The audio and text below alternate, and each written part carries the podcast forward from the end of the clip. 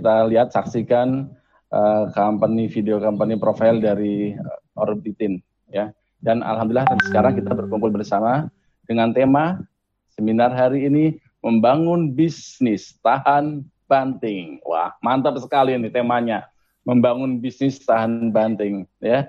Nanti kita akan mulai kurang lebih jam 10 tank ya, jam 10 tepat akan kita mulai untuk kita bertemu berdiskusi bersama tapi alhamdulillah hari ini kita sudah kehadiran uh, narasumber kita yang luar biasa yaitu Ibu Yanti dan nanti juga Pak Jimmy Gani dan uh, kita akan menunggu supaya kita jam 10 time kita akan memulai materi yang akan kita bawakan saat ini.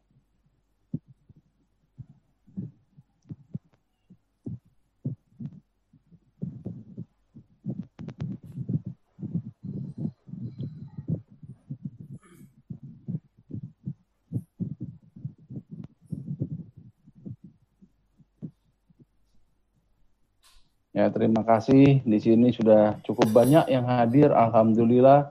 Uh, di sini ada Pak Budi Purnama, ya, Pak Catur sudah hadir. Mas Fikri, apa kabar Mas Fikri? Kang Hendi, ya, di sini sudah hadir. Uh, Pak Ervan, Bu Megawati, Pak Paulus. Alhamdulillah. Bu Rizky Mukhrima sudah hadir semua. Ya, terima kasih ya Pak Frederick sudah hadir terima kasih. Ya nanti kita kira-kira kurang lebih lima menit lagi kita akan memulai untuk materi kita. Dan di sini tema kita hari ini adalah membangun bisnis tahan banting. Wow ini sesuatu hal yang luar biasa sekali. Sebagaimana kita ketahui rekan-rekan semua bapak dan ibu semua kondisi pandemi ini telah meluluh lantakkan semua konsep yang ada, perencanaan-perencanaan bisnis yang barangkali yang kita sudah buat, skenario-skenario ini itu dan lain sebagainya. Tapi kita nggak bisa termehek-mehek dengan kondisi seperti ini. Ya, kita lebih termehek-mehek kalau kita diam dan kita akan lebih termehek-mehek akan lebih sedih kalau kita tidak siap dan kondisi dan tidak tahan banting. Maka kita nanti akan diskusi bersama dengan Bapak Jimmy Gani dan Ibu Yanti. Ya, Bu Yanti adalah uh, founder dan owner dari PT Mega Food Indo Inovasi Pangan. Nah, punya tagline-nya adalah Magical Taste Creation. Ibu Yanti mengawali karirnya luar biasa sekali ya di situ dan sekarang nanti kita pengen dengar bagaimana sih tips dan kiat dari khususnya Ibu Yanti uh, dalam menjalankan bisnisnya supaya tetap tahan banting ya. Terima kasih di sini Bapak Ahmad Suwandi sudah hadir ya, Pak Unang sudah hadir. Selamat pagi Bapak-bapak dan Ibu semua, welcome. Nah, ini Bu Yanti, apa kabar Bu Yanti? Ya, sudah alhamdulillah sudah uh, join. Assalamualaikum. Waalaikumsalam. Selamat pagi. Selamat pagi, selamat pagi, selamat pagi. Semangat pagi ya semuanya ya. Iya. Wah, oke, okay. kita nanti akan siap. Nih, Bapak dan Ibu, nanti kita uh, sebelumnya nanti kita akan ada sesi Q&A juga ya. Tanya jawab kepada kita semua.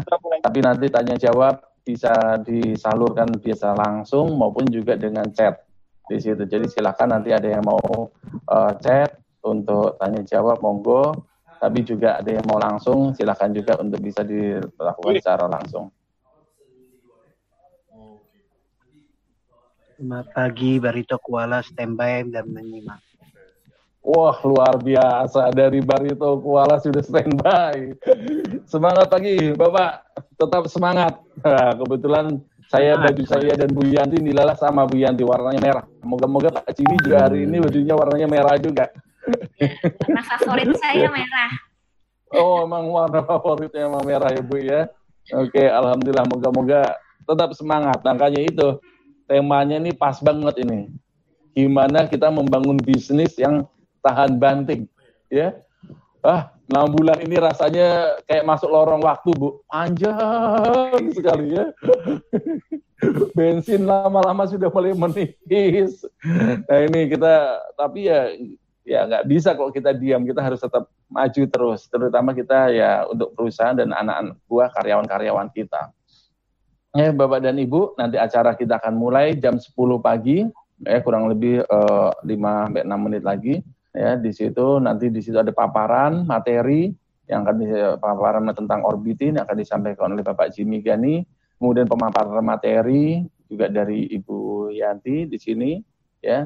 Kemudian juga ada diskusi uh, dengan moderator, ya, dan terus Q&A, tanya jawab, dan akhirnya insya Allah kita upayakan jam 11.30 kita sudah bisa closing. Di situ dan yang diharapkan pada saat uh, itu kita sudah closing kita sudah dapat materi-materi.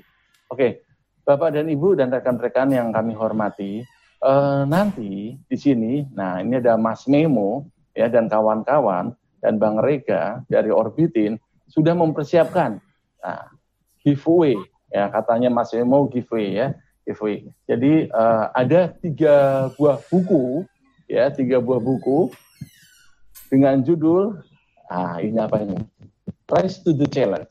Nah, kebetulan buku ini adalah tulisan dari saya dan Mas Memo sendiri ya yang membahas tentang Rise to the Challenge orang pria yang hebat dan tangguh dan luar biasa yang bernama Jimmy Gani.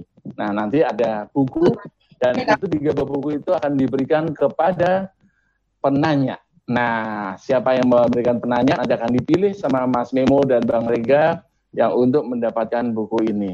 Tapi untuk itu jangan lupa sebelumnya Bapak dan Ibu semua sudah pada follow belum IG-nya Orbitin. Ayo pada follow IG-nya Orbitin ya. Jangan lupa follow IG-nya Orbitin di situ ya. Okay. Mohon maaf Pak Ervin, kalau tidak yes. salah saya lihat di gambarnya Pak Iwan, Om Kuala, bukunya kayaknya penerima giveaway minggu yang lalu, tapi berfoto bersama tuh. Wah luar biasa oh, gitu ya? kayaknya. Ya Pak Wih. Iwan. Mantap. Mantap. Kalau bisa seperti itu keren dan kalau bisa malahan ayo yang itu yang dapat nanti berfoto ya dan tolong masukin ke Instagramnya masing-masing juga ya. Dan kita di itu hashtag diajakin. Sudah masuk Instagram, sudah di tag kok. Wih, stop Markoto. Bang Memo. Sudah tuh Bang Memo. Siap, siap, siap, siap Om Iwan. Bang Memo ini anak muda yang hebat ya, luar biasa sekali. Tebel loh bukunya dan beliau yang membuat itu ya. Dan buku ini sangat uh, inspiring sekali. Bagaimana Sama juga dengan Pak Budi Purnama menampilkan Pak. Wah, salam Pak Budi. Oh. Okay. Markoto. Pak Budi. Ayo Pak Budi kita tampilkan bukunya. Oke, okay, thank you, thank you. Alhamdulillah. Yo, nanti teman-teman yang apa sudah dapat buku ya, monggo untuk ditampilkan sama-sama kalau kita hadir ya. Ini kan menjadi semangat bagi kita semua. Rise to the challenge. Ya, bangkit kita menghadapi tantangan di situ ya. Oke, kurang lebih tiga menit lagi uh, kita akan segera memulai ya materi kita. Kita akan memulai pembahasan kita.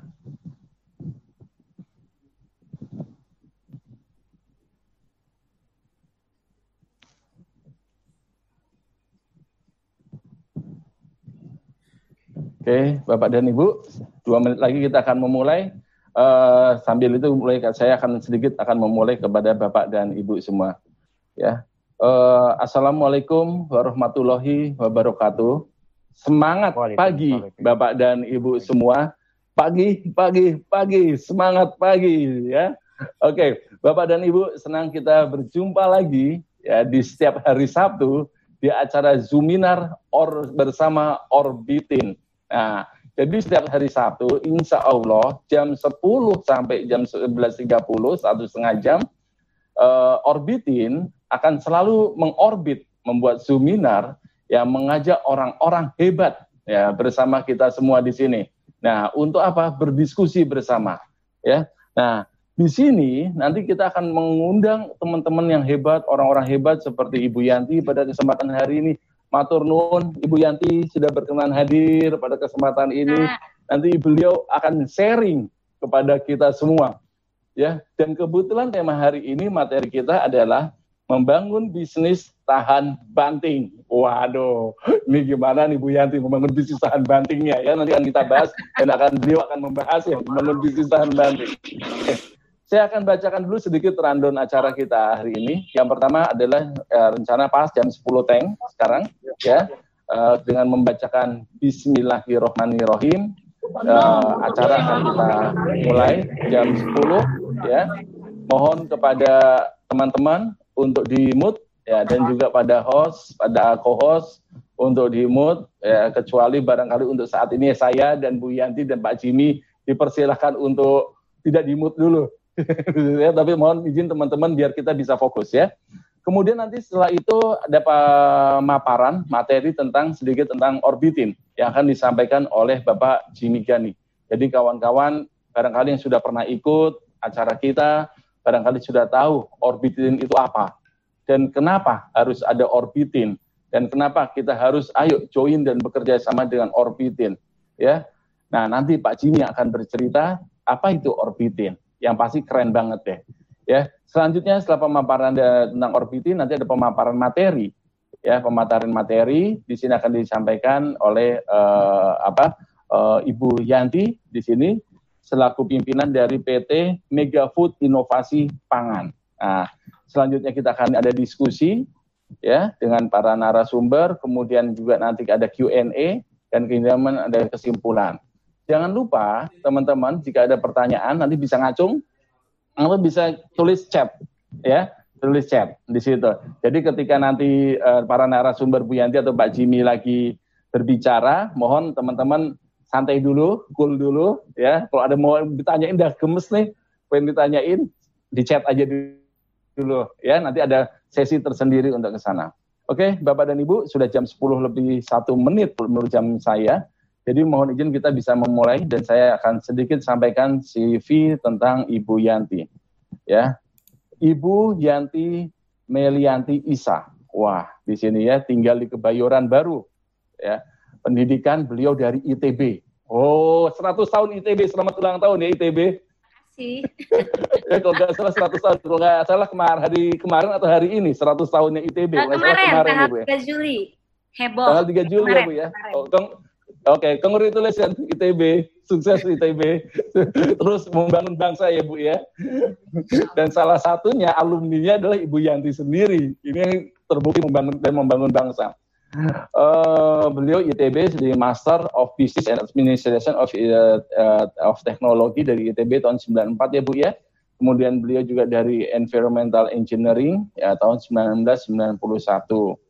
Eh, kemudian beliau juga adalah founder dan CEO dari PT Make Food Inovasi Pangan. Wah, luar biasa sekali nih. Apa sih Make Food Inovasi Pangan? Jangan saya yang cerita, nggak seru. Ya, harus Ibu Yanti dong yang cerita. Tapi punya tagline-nya keren di sini. Tadi saya udah browsing-browsing Bu di apa di webnya di situ. Ada tagline-nya adalah Magical Taste Creation. Ya, sedikit aja saya kasih clue. Eh, salah satunya adalah memproduksi bumbu dapur. Kalau nggak salah seperti dia Bu ya. Salah satu. Nanti udah udah nggak seru kalau saya ngomong. ya. Kemudian beliau juga dulu eh, pernah juga di apa eh, founder and chairman di Yayasan Bina Karsa Mandiri ya. Sebuah lembaga edukasi dan sebagainya dengan sudah menerbitkan buku segala. Oke, Bapak dan Ibu, itu sedikit tentang Bu Yanti. Kalau lebih itunya akan banyak sekali. Nanti lebih asik kalau mendengar langsung dari beliau, ya. Selanjutnya barangkali eh, ingin saya sampaikan adalah tentang Bapak Jimmy. Tapi mohon izin, Mas Memo, apakah Pak Jimmy sudah hadir? Oh sudah. Beliau sudah start, Pak. Oh sudah. Mana dong suaranya Pak Jimmy? Halo Pak Jimmy. Pagi Pak Ervin. Selamat pagi. Ini kalau nggak ada suaranya itu bukan Jimmy Gani yang saya kenal. Ya, Pak Jimmy adalah pribadi yang hebat, pribadi yang tangguh, pribadi yang luar biasa. alhamdulillah beliau sudah bersama dengan kita. Ya, Pak Jimmy Gani uh, memulai bisnisnya kurang lebih 17 tahun dengan nama membangun sebuah perusahaan dengan nama PT Proven Force Indonesia di mana saat ini saya uh, alhamdulillah dipercaya oleh beliau untuk uh, bernaung di bawah PT Proven Force Indonesia. 17 tahun bukan usia yang baru, ya, itu udah kalau anak muda adalah lagi ganteng-gantengnya ya. Di situ seperti kita semua orang-orang proven yang tetap ganteng ya meskipun udah ya para jelita menjelang 50 tahun kita semuanya dia tetap tetap ganteng. Oke, okay. uh, eh, Pak Jimmy. Ya, Pak Erwin. Halo. Di Unpad ya pendidikan di San Francisco. Kemudian Pak Jimmy juga melanjutkan pendidikan di Harvard Business Kennedy Business School di situ ya. Alhamdulillah di situ luar biasa sekali. Pak Jimmy juga pernah mendapatkan salah satu penghargaan dari Museum Rekor Indonesia sebagai CEO BUMN termuda di Indonesia pada saatnya, yaitu beliau memegang sebuah uh, perusahaan yang pasti kalau di Jakarta pasti kita kenal ya perusahaan industri retail yaitu PT Sarina ya uh, Sarina Persero di situ. Kemudian Pak Jimmy juga mengaktualisasikan ya idealismenya beliau dalam segi hal pendidikan ya alhamdulillah beliau dipercaya sebagai ketua di IPMI International Business School di situ. Jadi Pak Jimmy ini bukan hanya seorang pengusaha, Pak Jimmy juga bukan hanya seorang uh, eh, CEO di sebuah BUMN ya. Pak Jimmy juga bukan hanya seorang uh, akademisi ya. Beliau lengkap semuanya di situ dan beliau pun juga pernah menjadi bagian dari uh, sebagai advisor di Kementerian Desa. Jadi cukup lengkap ya uh, track recordnya beliau ada di mana-mana. nah ini sangat seru sekali kalau kita bisa mendengar uh, cerita tentang beliau di situ ya. Nah tapi kalau saya mencari, uh, oh ya selanjutnya dengan Proven Force Indonesia sendiri yang sudah berjalan 17 tahun menjelang 18 tahun, uh, Proven akhirnya kurang lebih uh, satu tahun terakhir mempunyai adik yaitu uh, PT orbitin. Nah, tapi untuk ini akan afdolnya kalau Pak Jimmy yang akan bercerita sendiri. Untuk itu, maka kesempatan ini saya persilahkan kepada Pak Jimmy. Monggo untuk uh, sharing tentang orbitin. Monggo Pak Jimmy, waktunya. Bismillahirrahmanirrahim. Assalamualaikum warahmatullahi wabarakatuh. Waalaikumsalam warahmatullahi wabarakatuh. Selamat pagi, salam sejahtera untuk kita semua. Terima kasih Pak Ervin sekali lagi uh, atas uh, introduction-nya. Uh, saya senang banget hari ini uh, apa bisa hadir uh, dengan bersama Ibu Yanti juga. Uh, apa saya udah dengar namanya uh, dari kapan-kapan gitu ya. Alhamdulillah hari ini bisa uh, ketemu walaupun uh, hanya secara virtual.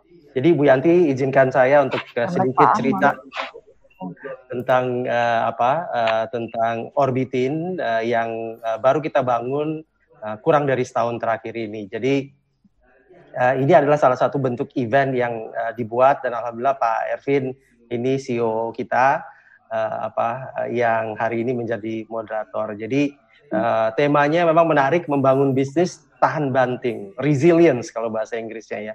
Nah, uh, tentu tujuan Zoominar ini adalah untuk self management maupun juga business management. Hari ini uh, lebih penekannya pada business management, uh, tapi tentunya juga ada self management yang kita nanti harapkan bisa ini. Jadi hari ini saya akan uh, apa sedikit cerita tentang orbiting dulu, tentang grup kita, baru nanti kita masuk ke dis, uh, apa presentasi dan uh, terakhir diskusi. Uh, tadi Pak Ervin sudah jelaskan bahwa saya selain sebagai seorang pengusaha pernah jadi uh, dirut di BUMN di Sarina Persero, pernah jadi ketua atau rektor di sekolah tinggi, kemudian pernah juga menjadi advisor menteri, uh, advisor di beberapa tempat dan uh, melanglang buana uh, di seluruh dunia untuk uh, berkarir. Nah sekarang uh, terbalik ini orang biasanya memulai karirnya uh, mendirikan startup, saya di akhir karir malah uh, kembali lagi mendirikan startup menjadi CEO gitu. Tapi uh, apa saya ditemani oleh anak saya yang pertama, jadi insya Allah uh, nanti uh, tentunya dia akan bisa uh, meneruskan uh, karya baik ini. Nah, uh, Orbitin itu sendiri uh, adalah uh, anak usaha dari uh, Tempo Inti Media Group, uh, perusahaan TBK uh, di bidang media semua saya rasa tahu uh, Tempo majalah, ada Tempo.co dan seterusnya dan uh, JG Corp, Jimmy Gani Corporation. Uh, kita mayoritas uh, Tempo Inti Media uh, minoritas melahirkan Orbitin yang baru Maret kemarin di incorporate menjadi PT Orbitin Kebanggaan Indonesia. Tapi jalannya udah dari tahun lalu, akhir tahun sehingga uh, sebetulnya tractionnya udah lumayan bagus. Kita tahu bahwa Tempo punya majalah, punya TV, punya uh, koran, tapi uh, sebetulnya mereka juga banyak uh, pengembangan di digital technology. Uh, kita juga mungkin banyak yang kenal tadi Pak Ervin uh, menyampaikan Proven Force Indonesia yang udah 17 tahun, tapi juga kita ada investment arm-nya juga, uh, ada juga tourismnya, ada juga uh, Orbitin yang terbaru. Uh, kalau Proven Force Indonesia sendiri itu udah 17 hampir 18 tahun uh, dengan consulting, ada Proven Academy, ada Sustainable Development Project, Manpower Outsourcing, kita punya uh, 2000 karyawan lebih di sana. Nah, kita juga ada yayasan JG Foundation dan juga ada think tanknya itu ICE Institute. Nah, uh, sedikit uh, saya rasa tadi uh, nggak nggak apa Proven Force Indonesia udah jelasin. Kemudian kita punya klien banyak. Uh, justru uh, most of our clients are uh, multinational companies uh, yang memang mereka uh, biasanya menginginkan program perbaikan yang khusus gitu ya untuk diri mereka. Nah ini yang terpikir oleh kami beberapa uh, tahun terakhir uh, bagaimana kira-kira kita bisa membantu juga perusahaan-perusahaan yang yang tidak sebesar tidak uh, mungkin belum go global gitu ya, tetapi mereka mau diorbitkan, maka lahirlah orbit ini itu yang tentunya platformnya harus platform digital karena uh, kalau tidak platform digital akan mahal untuk uh, UKM bisa menggunakan uh, apa services seperti yang kami offer uh, melalui uh, apa uh, offline uh, type of uh, services. Jadi uh, orbitin itu sendiri dia bersifat atau bertindak sebagai inkubator, akselerator dan juga marketplace untuk jasa-jasa yang uh, bisa meningkatkan kemampuan uh, capacity capability dari uh, mostly UMKM. Kalau kita lihat di sini user yang kita tuju memang ada pelajar, ada UMKM, ada uh, profesional, ada startup yang kita harapkan mereka dengan uh, apa Eh, kita sambungkan uh, Orbitin sebagai uh, apa platformnya ini nanti bisa disambungkan dengan provider-provider yang luar biasa sehingga mereka bisa go digital, mereka bisa meningkatkan daya saingnya, mereka bisa meningkatkan resilience-nya, mereka bisa meningkatkan daya manajemennya, uh, apa pengelolaan dari sumber daya manusia dan seterusnya. Ini yang kita harapkan didapatkan dari platform Orbitin ini dengan uh, tentunya terjangkau gitu ya kalau misalnya uh, apa uh, mereka engage Proven Force Indonesia bisa aja, tapi mungkin biayanya akan menjadi uh, costly gitu karena uh, itu tailorize untuk masing-masing uh, perusahaan tadi. Uh, saya rasa kita tadi udah dengerin tentang Rise to the Challenge. Nanti uh, saya akan jelaskan lebih lanjut lagi uh, tentang resilience tahan banting tadi yang merupakan bagian penting dari buku Rise to the Challenge ini. Karena orang uh, menganggap bahwa uh, apa uh, untuk menjadi pemenang untuk juara itu kita harus punya pukulan yang kenceng. Kalau bagi saya uh, apa pukulan yang kenceng itu penting, tapi bagaimana kita mena, apa, menerima pukulan bertubi-tubi, kemudian tidak kalaupun kita jatuh kita bangkit lagi, kita kemudian move forward, kita terus ke depan, uh, kita jaga resilience kita. Nanti uh, saya akan jelaskan tentang uh, apa yang saya pelajari dari Om Jim Collins yaitu Stockdale Paradox ya Uh, jadi Rise to the Challenge itu adalah suatu ajakan untuk bangkit menghadapi tantangan, menghadapi tantangan dengan menggunakan ilmu. Karena ilmu ini penting. Uh, ilmu itu uh, apa? Kalau kita mau dunia, kalau kita mau akhirat, kalau kita mau kedua-duanya, uh, Imam Ash-Syafi'i menyampaikan bahwa kita perlu uh, ilmu. Saya rasa uh, itu secara garis besarnya intinya adalah kita menginginkan dari minggu ke minggu ini memberikan inspirasi untuk pembangunan kesehatan atau wellness di bidang ya, emosional, finansial, sosial, spiritual, occupational, physical, intellectual, environmental, sehingga setiap orang itu memiliki uh, apa kesehatan yang all around atau uh, seimbang, nggak bukan kaya aja, tapi secara sosialnya nggak bagus, tapi sosialnya bagus, spiritualnya nggak oke, okay. atau nggak nggak sehat uh, apa secara fisik dan seterusnya. Kita maunya uh, apa uh, memberikan inspirasi secara menyeluruh. Saya rasa uh, itu dan hari ini uh, alhamdulillah kita kedatangan tamu yang luar biasa gitu ya. Buk, ya yang saya rasa udah lengkap juga nih, uh, spiritualnya dapat, financialnya dapat, kemudian uh, physicalnya dapat, semua dapat lah Ibu Yanti gitu ya. Jadi alhamdulillah uh, apa beliau nanti bisa cerita lebih banyak lagi bagaimana membangun bisnis uh, tahan banting tadi.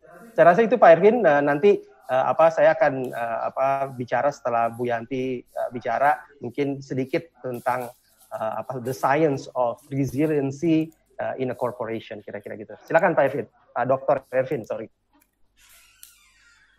Oke, terima kasih Pak Jimmy Gani. Luar biasa. Kita boleh dong kasih tepuk tangan meskipun dalam bentuk virtual. Yo, tepuk tangan kita sama-sama. tepuk tangan dalam bentuk virtual. ya. Oke, terima kasih Pak Jimmy. Luar biasa sekali.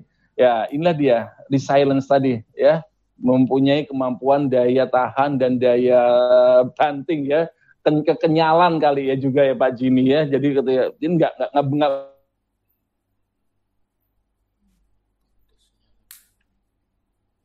blesek tapi pangan ya. Kalau pelaku bisnisnya yang benar-benar day to day. Aduh kali udah tarik napas tarik napas terus ya Bu Yanti ya. Kalau dulu ada barangkali kalau kita masih zaman kuliah puasa Senin Kemis di situ ya puasa Senin Kemis. Kalau sekarang bukan puasa Senin Kemis tapi puasa Senin sampai Kemis. Karena apa? Kita harus tetap bertahan kuat supaya kita nggak blesek tadi itu ya. Oke Bapak dan Ibu kita langsung saja ya. Kita kepengen dengar langsung paparan dari Bu Yanti dan juga bisa nanti ada paparan dari Pak Jimmy. Masing-masing akan memberikan paparan kurang lebih dalam waktu 15 menit ya. Oke, monggo Bu Yanti waktu dan kesempatannya dipersilakan. Mangga. Ya. Silahkan itunya eh, video dulu ya.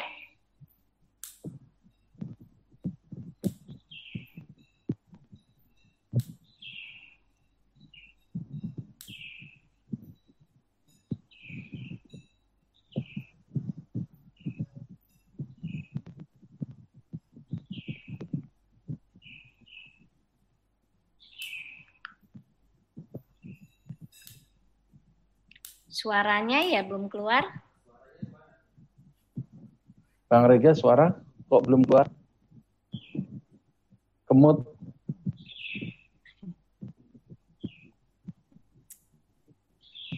Gak bisa setting bang. Suaranya belum keluar ya.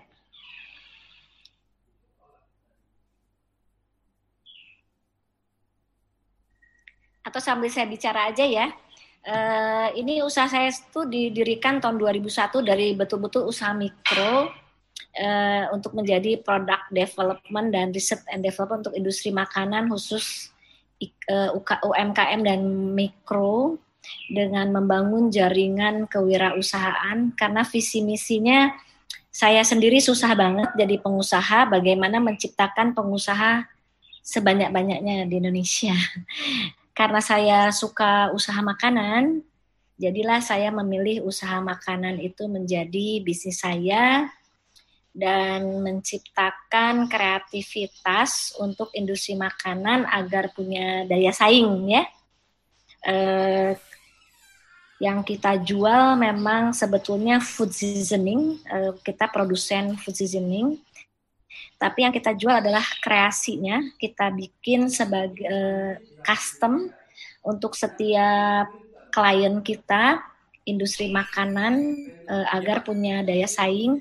Bukan, uh, riset and development yang paling sederhana untuk suatu usaha adalah punya rasa yang berbeda dengan kompetitornya atau kita juga bisa bikin uh, produk itu benar-benar dari nol dari konsep bagaimana perusahaan baru ataupun usaha yang udah jalan uh, untuk dia uh, bisa memperpanjang uh, bisnis life cycle-nya. Tujuannya seperti itu ya. Atau untuk memperpanjang produk life cycle-nya. Uh, kemudian kita punya restoran Amazi, franchise restoran yang awalnya dari gerobak. Tadi awalnya tuh dari gerobak di tahun 2002. Uh, kemudian kita berusaha scaling up di tahun 2007 uh, eh, dengan merek Amazi Family Resto. Amazi itu sebenarnya menunya fried chicken ya. Uh, tapi kita pilih dari live bird yang umurnya 9 minggu yang uh, apa ayam minim lemak ya, jadi ayam yang sehat. Kemudian si McFoodnya ini bikin uh, bumbu-bumbunya khusus untuk Amazi sehingga dia punya uh, daya saing dengan uh, apa uh, custom custom dan secret recipe ya uh, dari segi produk dan produknya juga kita kembangin terus karena dari tahun ke tahun kita juga repositioning terus nanti akan saya share uh, apa di presentasi saya ya. Ini uh, Amazi sendiri sudah dikembangkan secara franchise. Kita ada di uh, apa lebih dari 100 outlet di seluruh Indonesia dan Malaysia. Ya memang saat corona ini 80% outlet ditutup karena uh, ada di mall, di sekolah, di universitas, di tempat wisata bulan Juni ini kita mulai buka-buka lagi berapa tempat. Eh, sebelumnya ya sempat jalan hanya dengan 25 outlet ya di periode Maret sampai eh, Juni.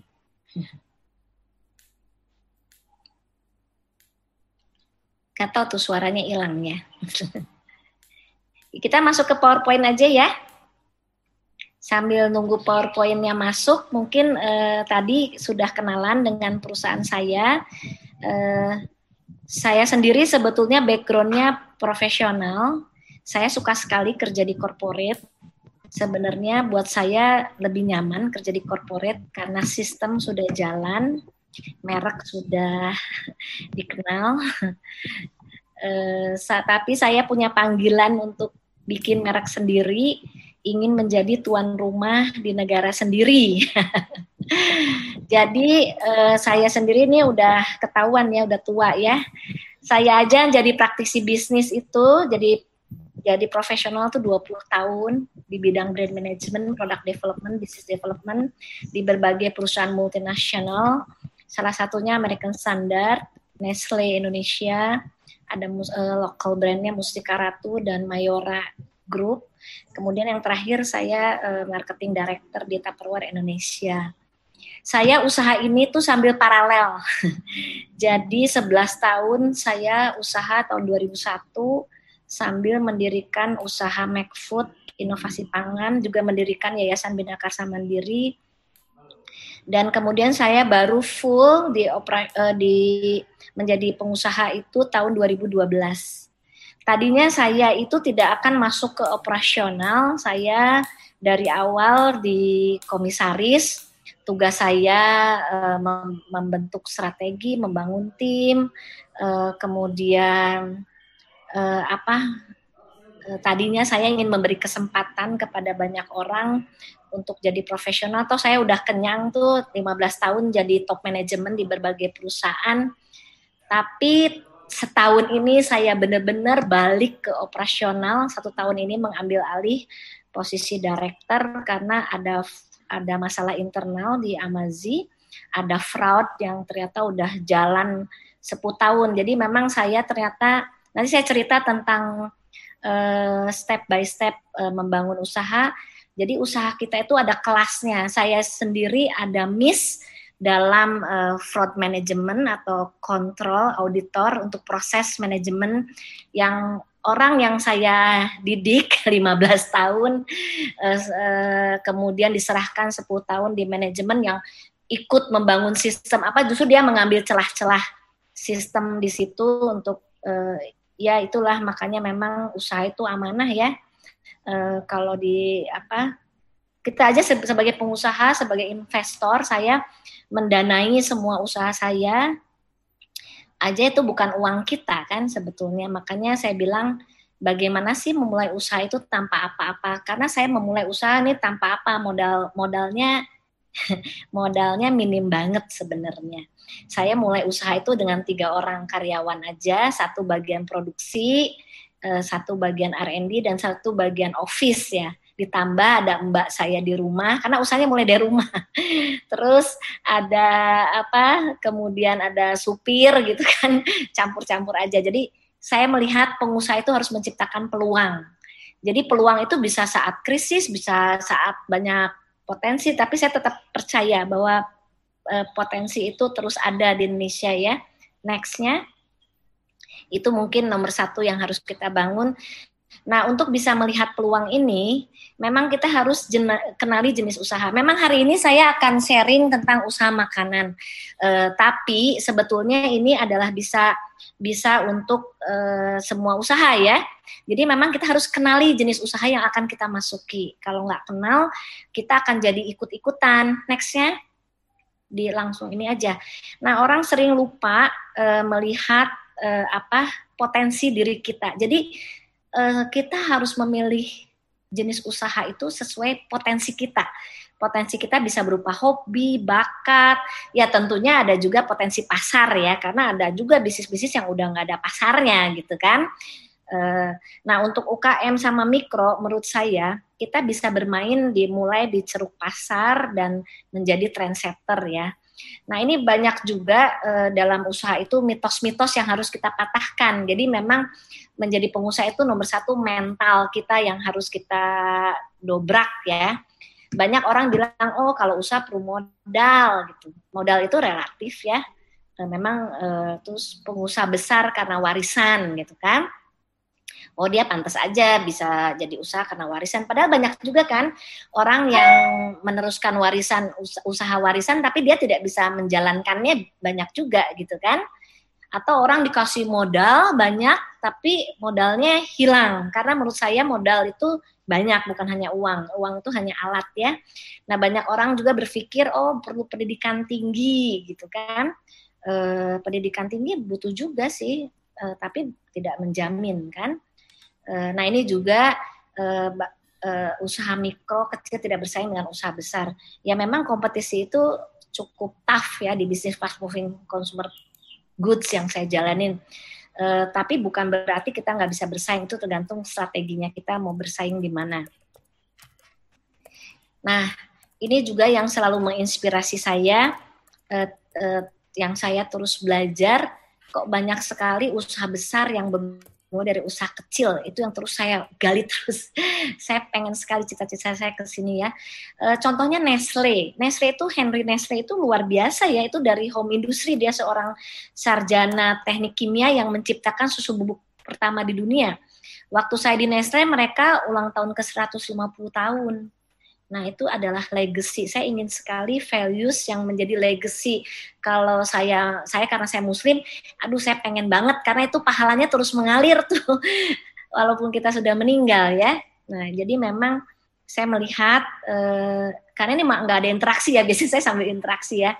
Jadi saya percaya bahwa usaha sukses itu bukan kebetulan, bukan hoki, eh, karena usaha itu memang perlu kita rencanakan, perlu kita bangun dan kalau salah rencana atau salah strategi, salah bangunnya juga bisa chaos ya. E, sambil jalan aja ya Pak. Betul nggak tuh Mama?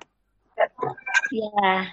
Terus e, banyak juga orang bilang usaha itu gambling katanya spekulasi bener nggak? Coba peserta ya.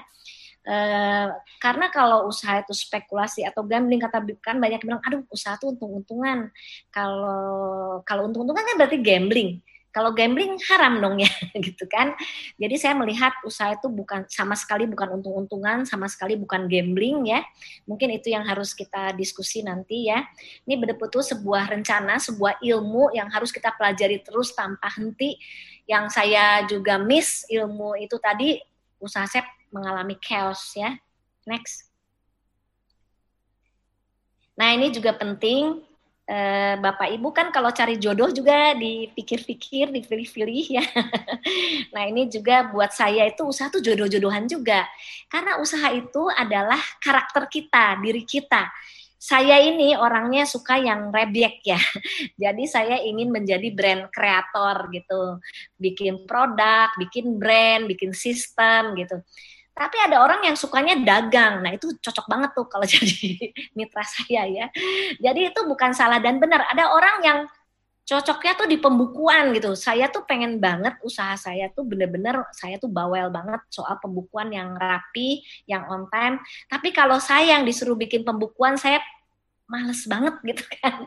Nah itu juga e, karir itu juga jodoh-jodohan ya. Jadi saya ini alhamdulillah diberi kesempatan sama Allah e, memilih karir yang yang apa sesuai dengan bidang saya karena seru banget ya dia melakukan bisnis, product development, jungkir balik, itu bikin brand, bikin growth company gitu, company orang dan company saya tuh seru banget gitu kan, e, apa e, memacu adrenalin gitu kan, seru-seru banget gitu kan.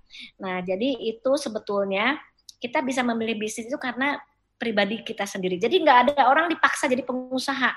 Karena semua profe, pengusaha itu kan profesi jadi orang bisa jadi profesi apa aja, yang penting sesuai dengan passion kita gitu. Sesuai passion kita. Jadi eh, bagaimana kita punya konsep diri, punya cita-cita, punya minat bakat itu yang bisa kita salurkan dengan optimal. Itu yang paling penting karena kalau kita kenal diri sendiri, kita nanti kerja tuh terpaksa. Banyak orang saya lihat kerja terpaksa, terus jadi pengusaha terpaksa kalau jadi terpaksa itu nggak seru banget gitu ya. Kayaknya nggak seru banget deh. Uh, jadi ya terus akhirnya mendewakan mata uang itu serem banget buat saya ya. Uh, jadi kalau kita melakukannya dengan seru, kita tuh jadi seneng belajar, seneng um, uh, upgrade kepribadian kita, karena kita juga kan banyak kekurangan ya namanya manusia. Uh, saya tuh kan maunya marah gitu kan, dengan begini kan mungkin jadi jalan saya lebih sabar, lebih mengerti orang. Saya juga nggak suka ilmu manusia loh. Yang dulu mata pelajaran yang behavior apa uh, company behavior itu ya organisasi itu amit-amit banget buat saya. Tapi itu kalau saya nggak belajar sekarang ya itulah company saya chaos itu jadi terpaksa lah saya belajar juga yang tidak saya minat gitu kan tapi demi mencapai cita-cita saya demi mencapai tujuan perusahaan jadi kayaknya jadi pengusaha tuh nggak boleh nolak semua ilmu harus kita ambil ilmu hukum, ilmu SDM, ilmu jualan mau udah pasti, ilmu brand ya, ilmu segala macam itu harus kita pelajari semua. Ilmu produksi udah pasti ya karena saya produk ya. Nextnya. Nah ini juga penting sekali buat pengusaha. Sering dibilang usaha itu beresiko. Bener nggak sih usaha itu beresiko? Buat saya tuh usaha jadi pengusaha itu resikonya tuh buat saya paling kecil. ya karena bapak saya ini dokter bedah ya uh, saya tuh di, dari kecil diajak jadi dokter bedah gitu ya. Kayaknya buat saya tuh kok nggak seru gitu ya. Menurut saya jadi dokter bedah tuh resikonya tinggi banget. Itu gimana kalau orang itu bisa salah bedah gitu ya. Salah salah pilih penyakit, salah analisa gitu kan. Ternyata bapak saya tuh alhamdulillah selama hidupnya ternyata tidak bisa memanage risiko itu. Karena kan namanya dokter bedah itu kan pertama dokter umum dulu bertahap gitu kan. Tidak instan. Dokter bedah dokter umum tuh sekolahnya enam tahun tuh. Abis itu dokter bedah umum lima tahun. Abis itu dokter spesialis digestif dua tahun. Bapak saya tuh super spesialis. Kemudian ambil lagi super spesialis torak dada. Jadi memang waktu ngebedah itu ya ngebedah uh, tikus dulu, terus kalau ngebedah mayat dulu, kalau ke, ngebedah manusia beneran juga didampingi uh, guru-gurunya gitu kan. Jadi sekolahnya praktek terus. Jadi itu yang namanya memanaging resiko. Sama juga penerjun payung atau pilot kan dia nggak langsung terjun payung tuh terjun dari uh, seribu met kilometer misalnya ya dari atas pesawat terjunnya. Pertama kan dia terjun semeter dulu, dua meter dulu, lima meter dulu gitu kan.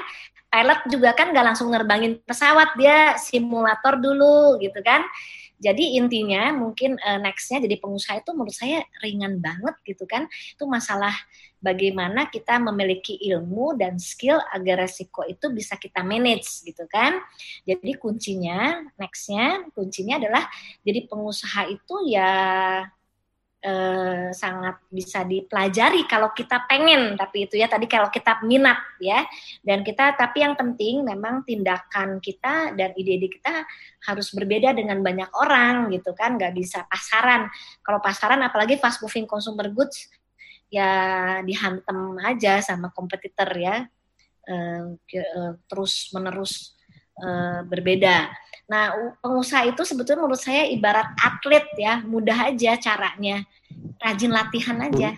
Latihan. Bu Yanti mau izin waktunya tiga menit lagi Bu Yanti. Boleh, boleh next. Oh, ini masih banyak ya next lagi aja terus. Langsung masuk aja ke studi kasus ya.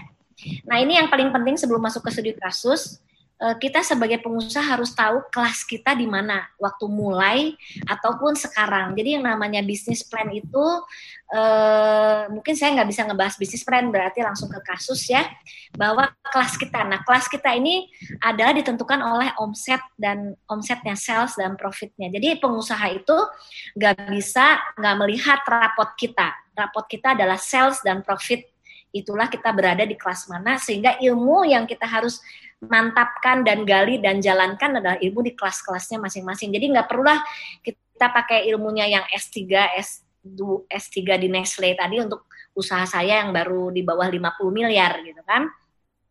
Nextnya mungkin kita langsung aja ke studi kasus ya karena waktu saya tinggal berapa Pak? Wah tiga menit langsung kasus aja. Next ya, langsung aja masuk ke perusahaan saya aja. Lagi asik nih, boleh ambil waktu saya oh, sedikit boleh. lah. Soalnya tadinya saya pikir waktu saya sejam. lima menit. Ya udah, boleh, kita langsung mulai ke studi kasus aja. Terus, terus, terus, terus. Nah, jadi nomor satu kita fokus saja ke kekuatan kita di mana eh, dan uh, peluang kita di mana. Nextnya, jadi jangan kita ngelihat kelemahan kita di mana, terus uh, ancaman tadi virus corona apa tuh nggak usah kita terlalu pikirin lah. Kita fokus peluang kita di mana di setiap saat dan kekuatan kita di mana. Nextnya mungkin langsung kita studi kasus aja di perusahaan saya ya. Next, next, next. Nah ini terus lanjut. Nah, usaha saya ini, karena saya ini usaha mulai dari usaha mikro, dari omsetnya nol, eh, pelanggan juga nol, cuman dari ide aja. Saya melihat peluang kalau saya masuk di retail, background saya kan retail market ya, saya tuh nggak bisa menang. Jadi saya fokus masuk di B2B yang which is saya nggak ada pengalaman uh, punya jaringan customer gitu kan. Tapi saya melihat ada peluang dan saya bisa menang. Saya membuat uh, food seasoning dengan cara custom. Uh, nextnya produknya tuh sederhana aja, investasinya juga sederhana aja, tidak pakai mesin yang canggih-canggih, tapi adalah kreativitas. Kita harus menciptakan produk yang bagus dan bahan baku yang bagus yang sejajar dengan perusahaan-perusahaan besar. Next ya.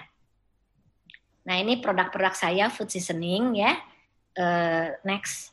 Nah saya fokus masuk ke industri snack, di mana saya melihat saya punya peluang di situ uh, dengan cara custom awalnya ya. Jadi bumbu masak itu berikutnya.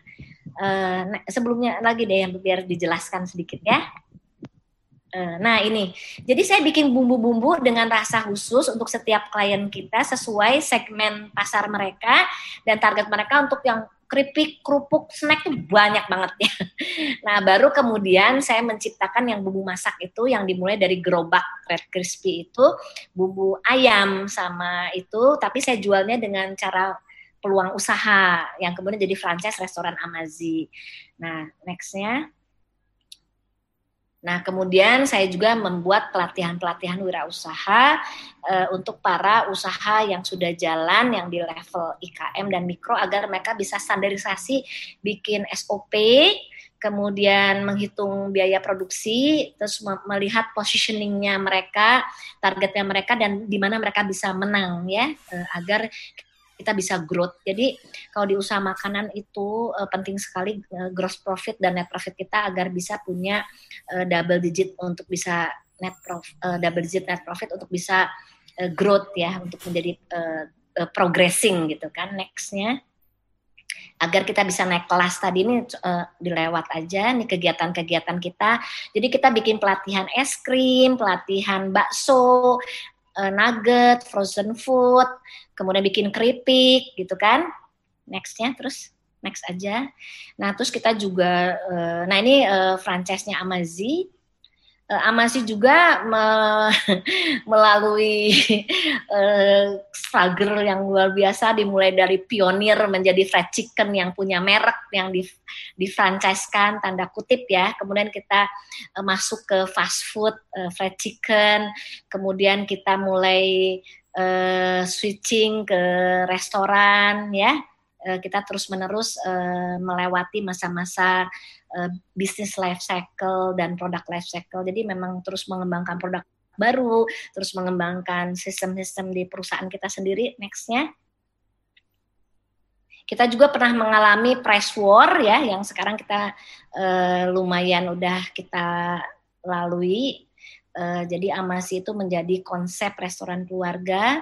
Ini produk-produknya The Most Wanted Crispy. Sekarang sih menunya macam-macam ya Nah ini uh, otet-otetnya kita uh, uh, permajaan, nih kegiatan brand activationnya. Ada cooking class, ada main sama robot, ada nobar, terus ada kegiatan apa macam-macam lah ya, kegiatan franchise uh, meeting ya jadi eh, bagaimana kita bisa membangun wirausaha sebanyak-banyaknya, itulah mungkin yang konsep bisnis saya itu ya. Jadi visi misinya Amazi dan eh, MacFood Corporation ini membangun wirausaha sebanyak-banyaknya di Indonesia untuk eh, ketahanan pangan dan kemandirian ya.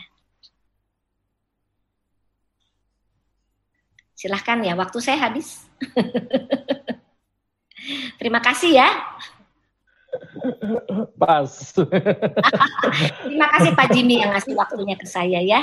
Walaupun terburu-buru, mudah-mudahan ketangkep konsepnya ya. Jadi konsep bisnis saya itu uh, product and business development dan bagaimana kita membangun uh, jaringan wirausaha nationally dengan langkah yang berbeda-beda dengan MacFood uh, saya membangun jaringan wirausaha orang-orang yang bergerak di jaringan uh, distribusi untuk positioningnya kemudian yang uh, jaringan yang uh, butuh research and development. Kemudian dengan Amazi, saya mencari mitra orang-orang yang ingin membangun industri makanan ya.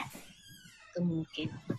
Oke, luar biasa sekali uh, paparan yang disampaikan oleh Bu Yanti sangat amazing. Nah, perusahaannya amazing, uh, paparan yang disampaikan sangat very very amazing, sangat menggugah dan sangat menginspirasi kita semua. Wah, mohon maaf karena waktunya kayak, kayak jadi kekejar-kejar ya Bu ya. Ah, gitu. Tapi nanti kita coba kita tapi kita nanti akan masih ada karena masih ada waktu untuk kita berdiskusi bersama ya untuk kita bisa memperdalam uh, apa materinya.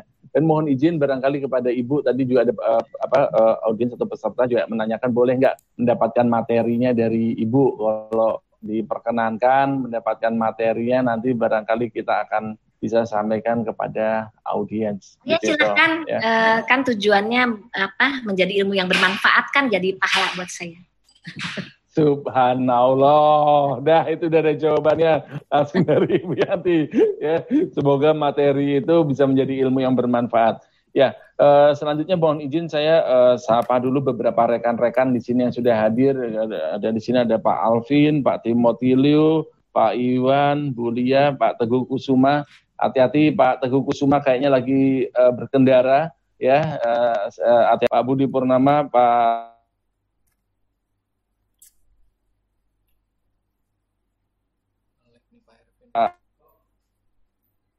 sinyalnya kurang bagus Pak Muhammad uh, Pak uh, Pak Di, Bapak Muhammad uh, Burhanuddin, Pak Ahmad Burhanuddin dan semuanya barangkali tidak dapat disebutkan satu persatu uh, kita semua. Bapak dan Ibu, teman-teman, Bu Yanti yang terhormat dan Pak Jimmy, ya, ya tadi kita sudah mendapatkan paparannya itu sebetulnya nggak cukup ya waktu kalau hanya sedikit kayak gini. Karena waduh keren banget ya dan sangat inspiring sekali itu kita mendapatkan uh, penggugah itu ternyata bisnis itu nggak harus dengan modal ini, harus dengan mitos-mitos itu tadi yang sebanyak membuat kita uh, nggak berani untuk memulai atau berani sudah sibuk dengan ketakut terlebih dahulu. Nah, tadi Bu Yanti sudah menyampaikan begitu paparan yang luar biasa. Nanti kita lanjutkan dengan ajang diskusi. tapi nggak kalah materi dan nggak kalah mantapnya. Di sini kita dengarkan juga paparan dari Bapak Jimmy Gani. Nih, Bapak Jimmy Gani akan membuat suatu paparan dengan kondisi now, kondisi kekinian, kondisi new normal, bagaimana agar bisnis kita di sini semua tahan banting di situ ya. Karena yang seperti saya sampaikan tadi, Bapak Jimmy di sini bukan hanya beliau sebagai uh, apa bisnis sebagai karyawan tapi beliau juga adalah sebagai bisnis owner juga ya. Terima kasih pada kesempatan ini silakan kepada Pak Jimmy untuk memberikan paparannya waktu dan kesempatan kami persilakan. Terima kasih silakan Pak Assalamualaikum warahmatullahi wabarakatuh Terima kasih sekali lagi Pak Ervin. Jadi tadi Bu Yanti sebenarnya saya pengen dengar lagi tuh masih banyak ilmu yang bisa didapatkan. Tapi saya mungkin uh, apa uh, juga share sedikit aja nanti kita bisa lebih banyak diskusi. Jadi memang eh, tiga empat bulan terakhir ini adalah masa-masa yang luar biasa. Uh, kita dikurung di dalam rumah untuk waktu yang cukup lama, kemudian uh, apa harus mentransformasi diri dan uh, otomatis bisnis kita, pekerjaan kita dan juga untuk banyak orang penghasilan kita itu sangat terpengaruh. Nah, uh, apa ada satu penelitian yang dibuat oleh Decode EFC Analysis yang mana memang ada bisnis-bisnis yang terpengaruh, yang terpengaruh sangat-sangat uh, berat. Uh, ada juga yang terpengaruhnya relatively mild gitu ya, ringan. Uh, dan kalau kita lihat di di chart ini, memang yang yang potential loser sih cukup banyak, uh, terutama misalnya tourism sama leisure, uh, hotel, uh, kemudian juga apa uh, tempat makan uh, yang untuk leisure, uh, tempat-tempat hiburan, uh, aviation, otomotif. Karena orang nggak nggak banyak uh, mobilisasi. Begitu juga ada real estate, construction orang nggak beli nggak uh, nggak uh, konstruksi, nggak beli uh, apa, rumah dan seterusnya. Nah ini luar biasa karena uh, apa uh, banyak dari mereka yang harus tutup gitu loh untuk waktu yang cukup lama seperti hotel gitu ya. Hotel tiba-tiba uh, karena occupancy rate-nya daripada 10%, 20% lebih baik tutup aja karena kalau enggak biayanya lebih besar daripada uh, penghasilan gitu. Tapi juga ada rupanya bisnis-bisnis yang uh, apa uh, pengaruhnya positif gitu. Contoh orang kan mau beli obat lebih banyak, beli vitamin lebih banyak, beli uh, masker, beli uh, apa uh, sarung tangan yang untuk mengamankan diri, beli uh, apa uh, pencuci uh, tangan dan seterusnya. Begitu juga dengan food processing karena lebih banyak di rumah, lebih uh, apa uh, keinginan untuk makannya lebih besar karena stresnya juga lebih tinggi gitu kan. Jadi uh, itu uh, apa uh, tentunya uh, apa berpengaruh gitu kepada bisnis. Dan personal and healthcare ICT juga sama gitu. Tiba-tiba orang yang tadinya nggak nggak bisa zoom, oh orang tiba-tiba belajar untuk nge-zoom. Karena kalau nggak, nggak bisa meeting, nggak bisa silaturahmi, nggak bisa follow up di kantor, dan seterusnya. Jadi ini luar biasa perubahan dalam tiga bulan as compared to the transformation, transformasi yang dilakukan selama bertahun-tahun gitu. Nah, uh, kalau kita melihat ini memang kelihatannya wah ada industri yang yang uh, apa menang, ada industri yang kalah.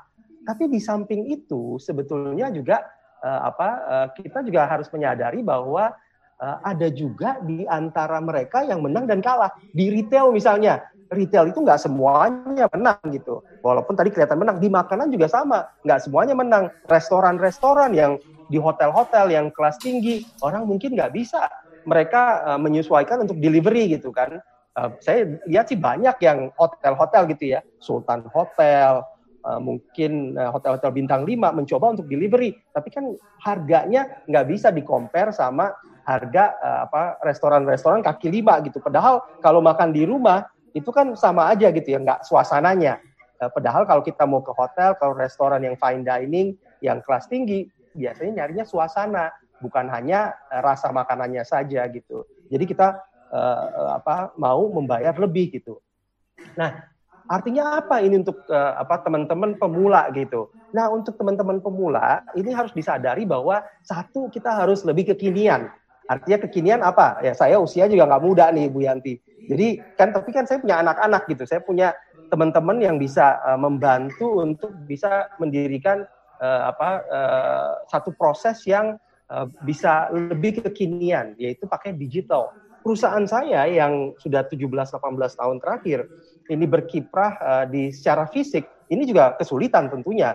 Uh, sehingga terpengaruh signifikan gitu. Tapi di sisi lain, karena kita udah satu dua tahun terakhir mempersiapkan, terus terang saya ngomong berbusa-busa ke tim saya dan ke mana-mana. Ya, waktu saya jadi rektor maupun juga di, di kementerian sebagai penasihat menteri maupun juga di dalam perusahaan sendiri bahwa ini akan terjadi shifting, akan terjadi transformasi yang perlu kita pertimbangkan dengan uh, apa menggabungkan antara offline sama online. Jadi digital ini nggak akan bisa uh, kita hindari. Tapi tiba-tiba 3-4 bulan yang lalu kita dihadapkan di mana kita harus melakukannya lebih cepat lagi. Nah ini luar biasa. Nah apa yang harus di, di bagaimana kita harus menyikapi ini? Tadi resilience, ketahanan ini penting sekali.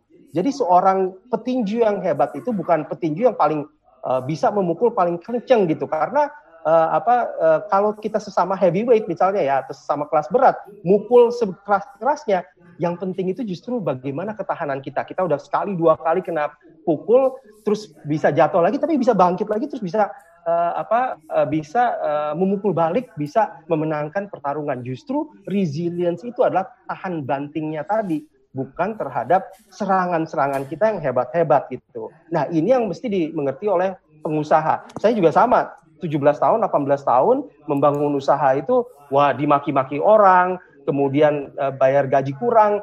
Uh, istri saya pernah uh, apa karena kita harus bayar THR, udah lepas semua perhiasan. Saya juga lepas semua gitu ya. ke pegadaian. Yang penting karyawan bayar dibayar dulu gajinya on time dan THR-nya. Kalau enggak kita nanti akan apa harus mementingkan orang lain dulu. Kita juga sama, kita sisihin dulu uang emergency fund uh, dan bertumpuk bertumpuk bertumpuk kelihatannya sih banyak gitu. Tapi kalau misalnya terjadi uh, emergency uh, apa uh, event seperti yang sekarang ini terjadi, itu tentunya sangat berharga gitu untuk nanti kita uh, apa uh, menggunakannya dalam rangka menyelesaikan berbagai macam hal.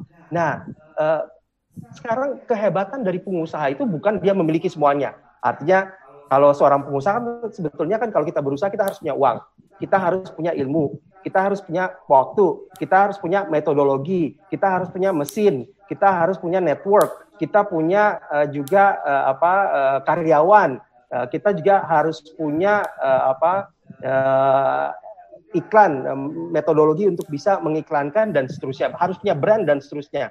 Nah, jangan takut karena the name of the game today, nama daripada permainan hari ini adalah kolaborasi. Kita nggak punya uang, ada orang yang punya uang.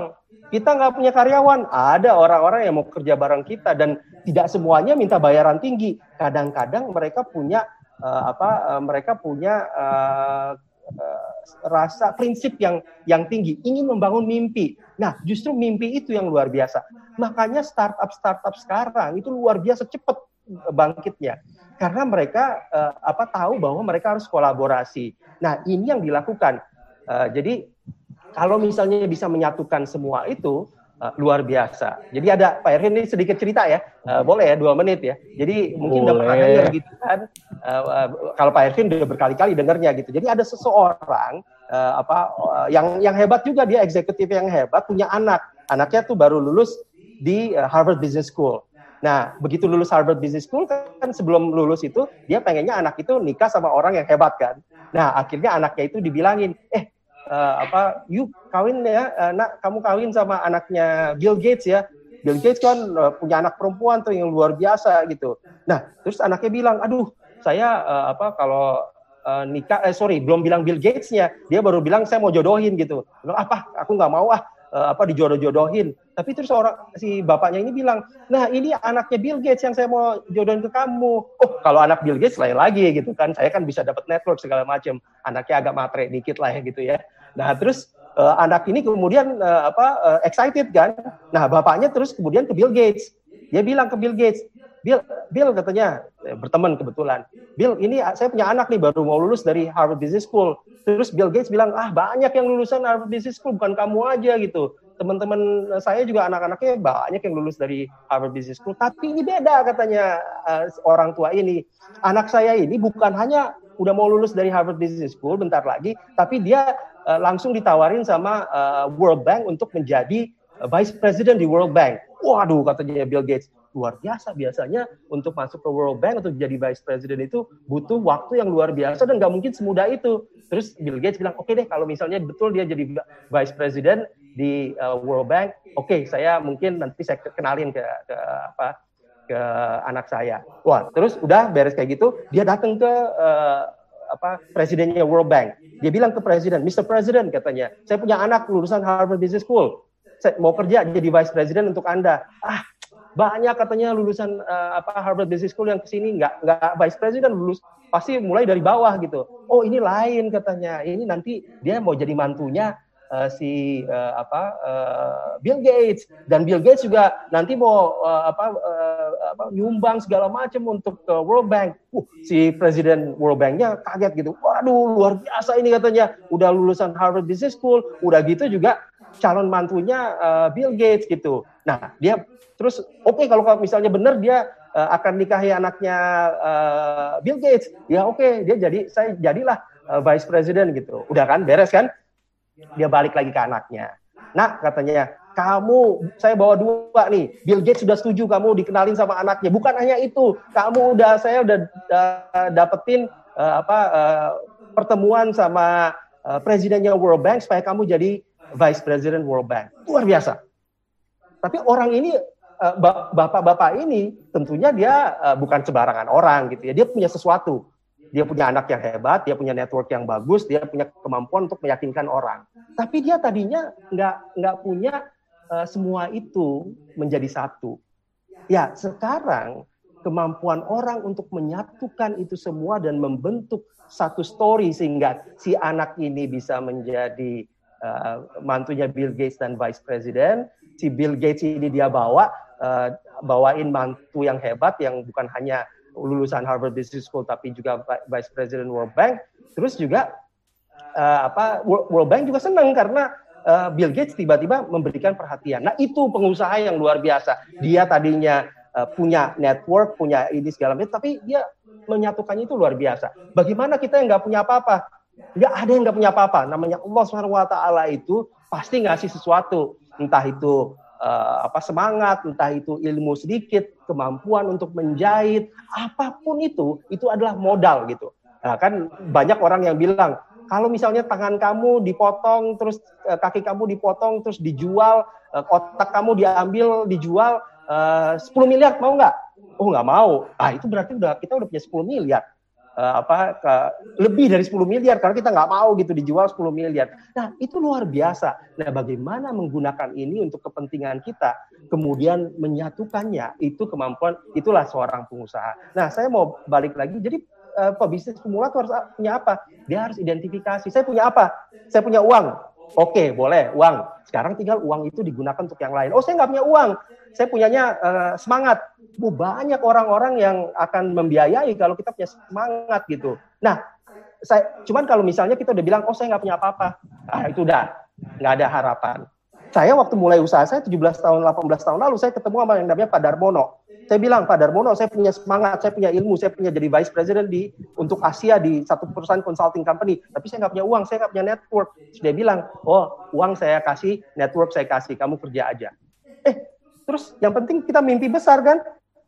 Ketok-ketok satu-satu gitu, mulai gitu. Tapi tadi yang namanya seorang pengusaha yang tahan banting itu dikenakan apa pun masalah itu kita bisa uh, atasi gitu. Karena apa? Allah tuh maha baik, maha besar gitu ya. Nggak ada yang lebih hebat dari Allah gitu. Begitu kita dikasih permasalahan, solusinya ada. Tapi kita cari yang mana solusinya.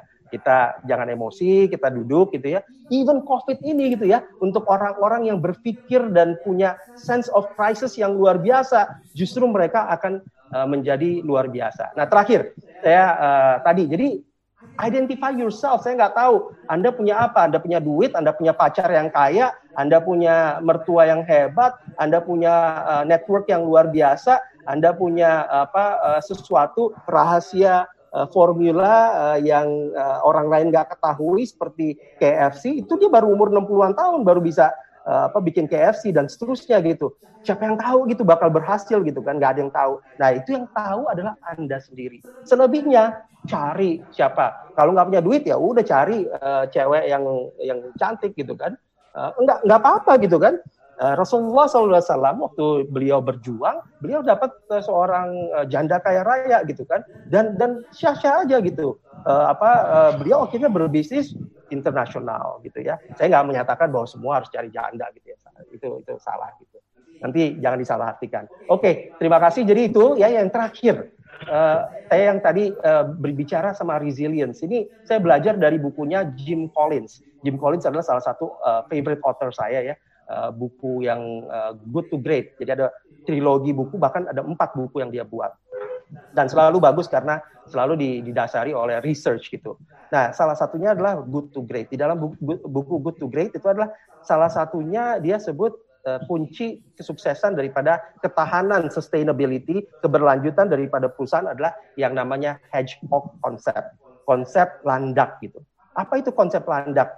Konsep landak adalah pokoknya kita bicara uh, strategi tentukan satu aja. Kalau mau yang paling murah ya udah yang paling murah. Kalau yang terbaik yang terbaik gitu. Jadi jangan mau oh, apa A B C D saya mau mau mencapai ini semua ya akhirnya nggak fokus gitu. Fokus di sesuatu yang apa yang kita bisa menjadi terbaik, apa yang kita bisa mendatangkan uang yang paling bagus, kemudian apa yang kita senangi sama seperti yang tadi Bu Yanti. Jangan sampai kita punya uh, nggak punya passion di situ, nggak bisa menghasilkan duit, kemudian uh, juga kita nggak bisa jadi yang terbaik gitu. Saya saya seneng gitu ya, misalnya nyanyi gitu. Tapi kalau saya mau menyanyi menjadi penyanyi profesional, ya pasti kalah gitu ya sama Chris Dayanti, sama Chris Dayanti. Ya. Dia kan cewek. Ya. Pokoknya gitulah kira-kira ya. Nah, jadi uh, uh, apa uh, kita harus milih sesuatu yang kita kira-kira kita bisa jadi yang terbaik gitu. Nah, terakhir uh, Stockdale paradox itu ketahanan ini sangat-sangat penting gitu ya karena tadi uh, bisnis itu tidak ada saya tidak pernah lihat bisnis yang 20 tahun mulus, 50 tahun mulus, pasti ada kerikil-kerikil bahkan tembok besar yang kita hadapi. Tadi seperti saya ya, kalau saya bisa ceritain, ini dua hari nggak selesai-selesai gitu. Tapi tembok besar itu selalu ada gitu yang kita hadapi. Bagaimana kita menyikapinya? Nah, Stockdale ini adalah seorang uh, apa admiral uh, angkatan laut, ya, general angkatan laut. Dia waktu itu ditangkap di perang Vietnam. Waktu perang Vietnam, orang-orang bilang kalau ketangkep itu harus optimis. Nah, kalau kita cuma optimis doang, kita cuma berandai-andai, berangan-angan. Oh, satu hari saya akan menjadi pengusaha yang luar biasa. Kalau dalam dalam bahasanya Stockdale, oh nanti suatu hari saya akan bebas dan saya akan kembali ke keluarga saya dan seterusnya. Itu penting. Tetapi yang tidak kalah penting adalah menghadapi apa yang dihadapi hari ini. Seperti yang Bu Yanti tadi sampaikan. Hari ini kenyataannya adalah bahwa ada fraud. Saya harus turun lagi, saya harus kerja lagi. Ya itu adalah fakta yang kita harus hadapi. Nah fakta itu yang kemudian uh, harus membuat kita strong gitu. Nah itu namanya resilience. Kita bisa nih jadi apa uh, jadi menang terus gitu ya kayak Mike Tyson kan.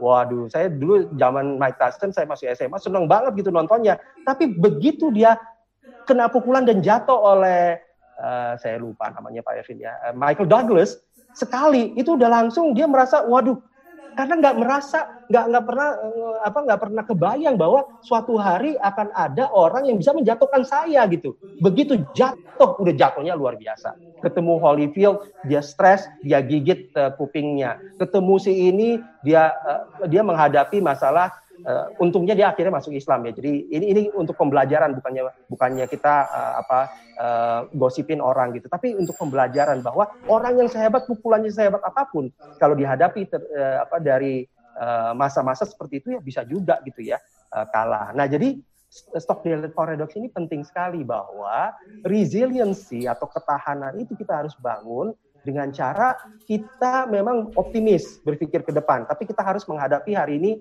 apa nih masalah kita. Kita selesaikan satu-satu. Kalau misalnya ada permasalahan, ya udah permasalahan itu kita fokus karena pasti ada jalan keluarnya gitu. Nah, kadang-kadang ada uh, yang harus kita korbanin, kadang-kadang harus uh, menelan pil, pil pahit, ya itu nggak ada masalah. Tadi termasuk kadang-kadang harta kita harus hilang dulu sebagian atau keseluruhannya. Tapi kalau misalnya kita punya uh, apa semangat yang besar tadi, resiliency itu akan terjadi, ketahanan itu udah ada di dalam kita. Karena udah udah biasa nih dipukul sekali, dua kali, ah nggak apa-apa itu biasa saya dipukul kok gitu. Bangkit lagi, pukul lagi, jatuh lagi, bangkit lagi, pukul lagi, jangkut. Oh, itu namanya pengusaha yang tangguh dan pengusaha yang benar-benar, bukan pengusaha cengeng. Gitu Pak Ervin. Saya balikin lagi Pak Ervin. Silakan. Oke, saya tangkap. Terima kasih Pak Jimmy. Pak Jimmy, tadi Pak Jimmy bercerita seperti itu. Ini di sebelah saya ada istri saya lagi asah-asah golok, Pak. Itu.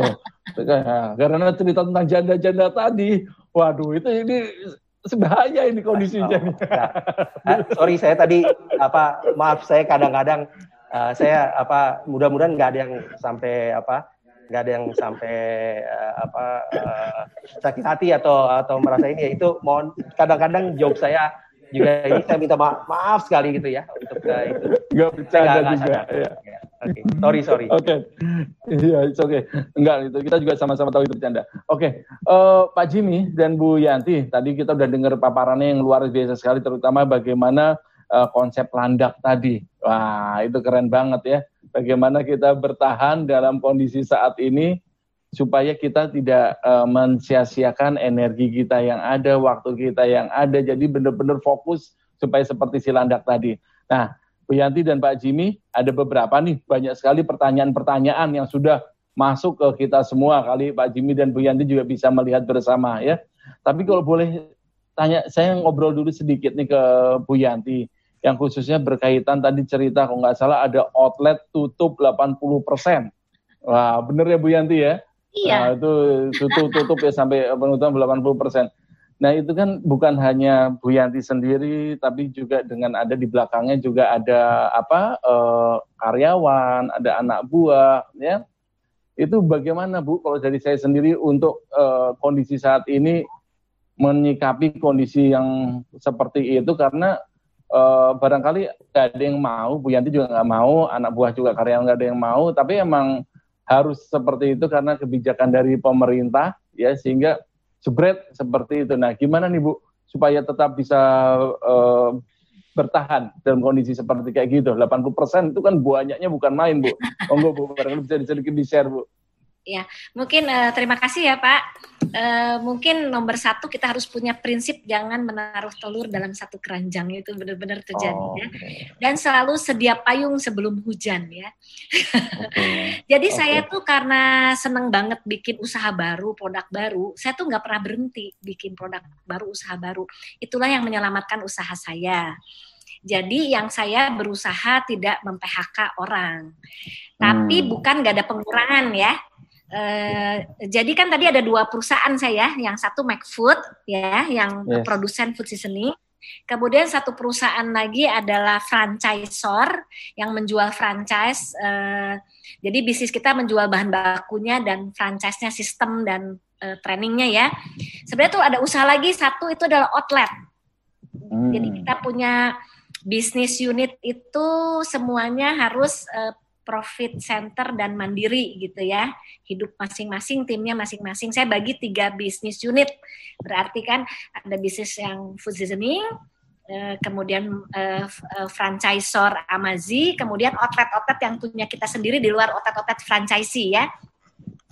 Ya memang waktu itu uh, sungguh uh, mungkin yang terkena dampaknya signifikan itu yang Amazi karena 80% hmm. outletnya uh, ditutup ya eh, dalam ya. waktu sesingkat-singkat saja 14 ya. Maret sampai 25 Maret.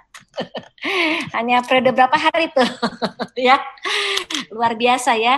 Uh, dan kita sudah beli barang kan buat uh, puasa yeah. lebaran ya. Karena biasanya omset yeah. Amazon naik tuh nasional. Karena Amazon ini kan bukan, ya, Bu, bukan ya? jago Jakarta ya. Amazon ini jago ya. kampung, yeah. adanya di Tobelo, di Flores, di Bima gitu kan. Which is kita tuh kalau bulan puasa udah satu bulan sebelum bulan puasa udah kirim-kirim barang, udah bikin program. Itu kan Maret itu kan menjelang puasa ya, 24 April kita mulai puasa ya dan kita baru selesai national conference waktu itu ya uh, sharing strategi kita untuk dijalankan rencana kerja 2020 ya. Ya, ya itu seru juga sih eh, nggak uh, boleh lama-lama bengongnya itu kan. Jadi uh, penutupannya itu luar biasa seret gitu kan.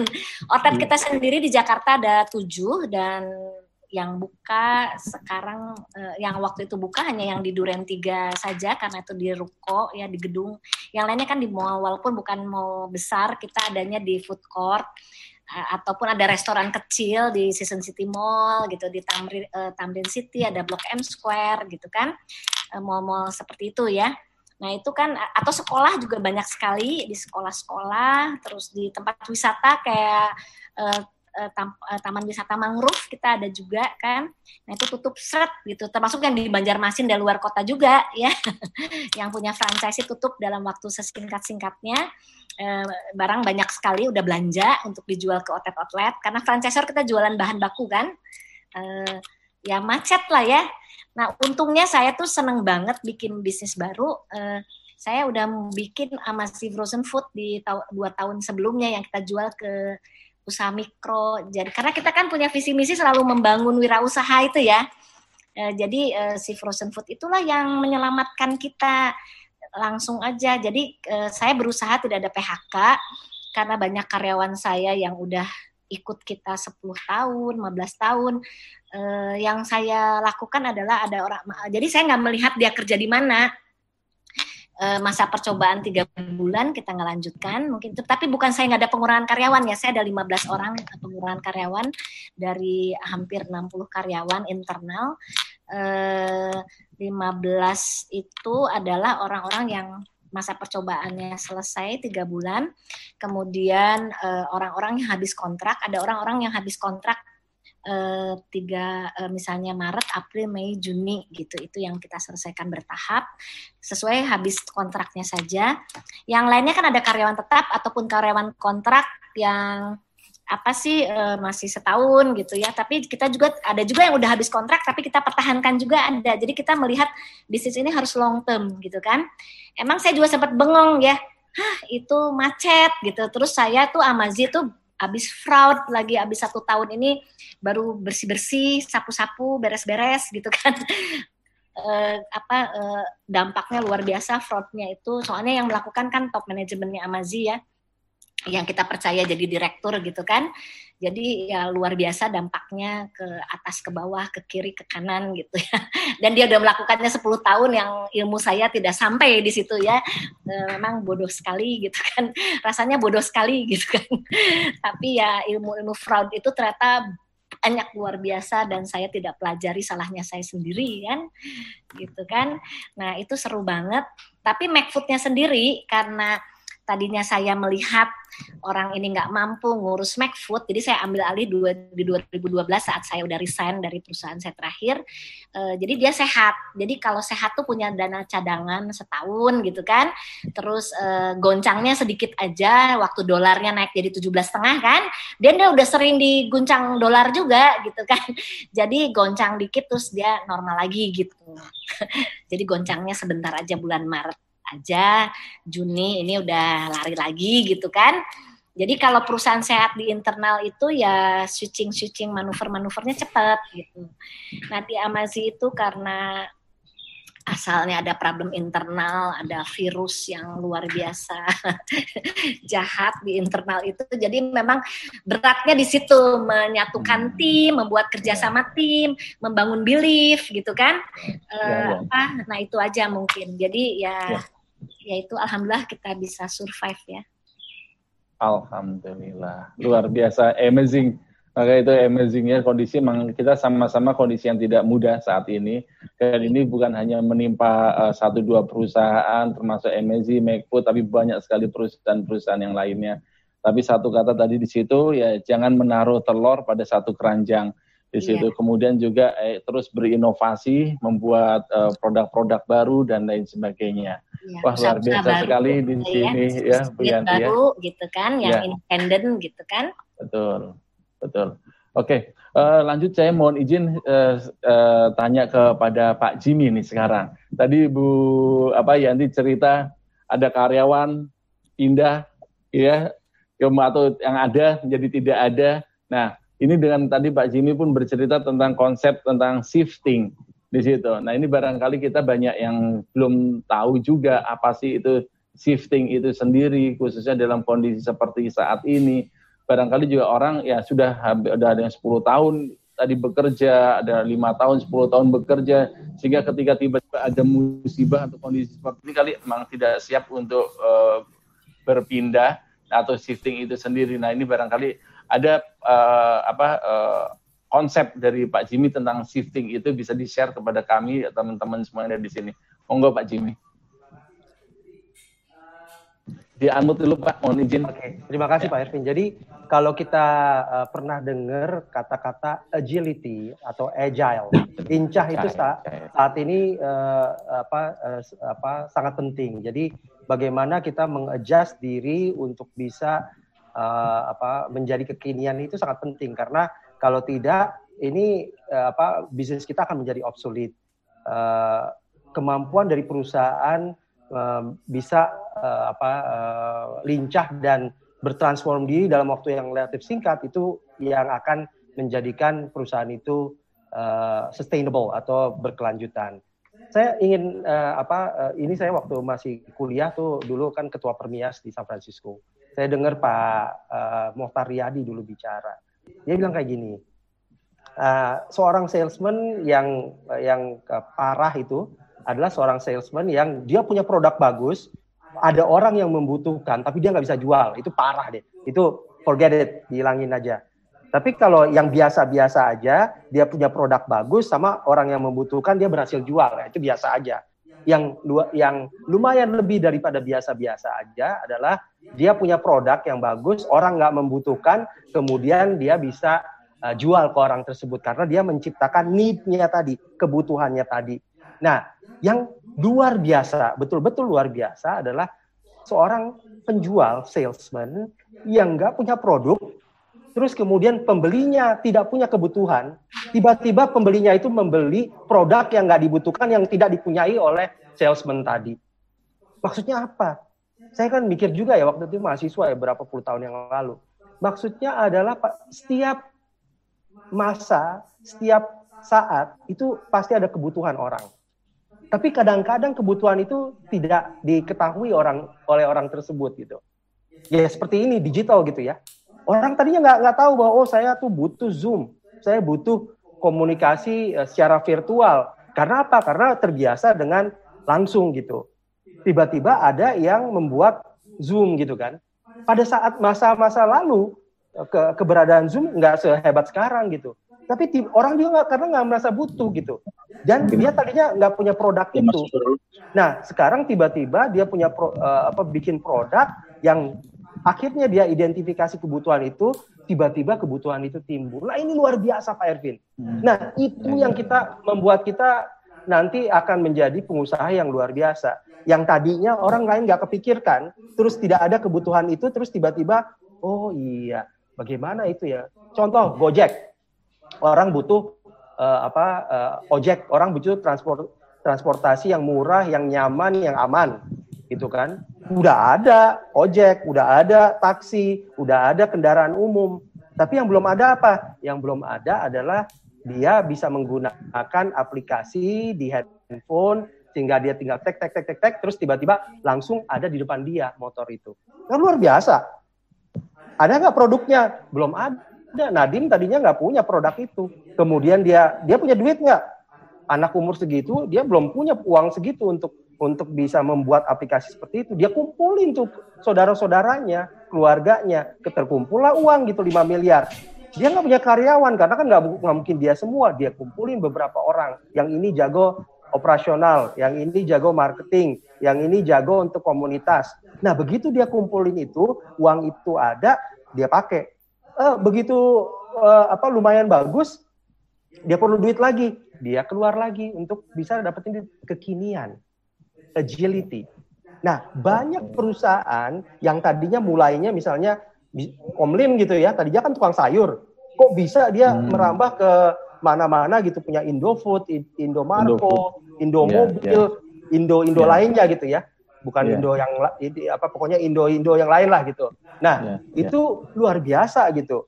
Bagaimana seorang uh, apa uh, yang yang bergerak di agro kemudian tiba-tiba bisa merambah ke mana-mana. Agility itu sebetulnya konsep yang bukan bukan baru gitu ya, udah lama gitu. Kemampuan kita untuk adjusting bisnis kita dengan masa kini itu penting.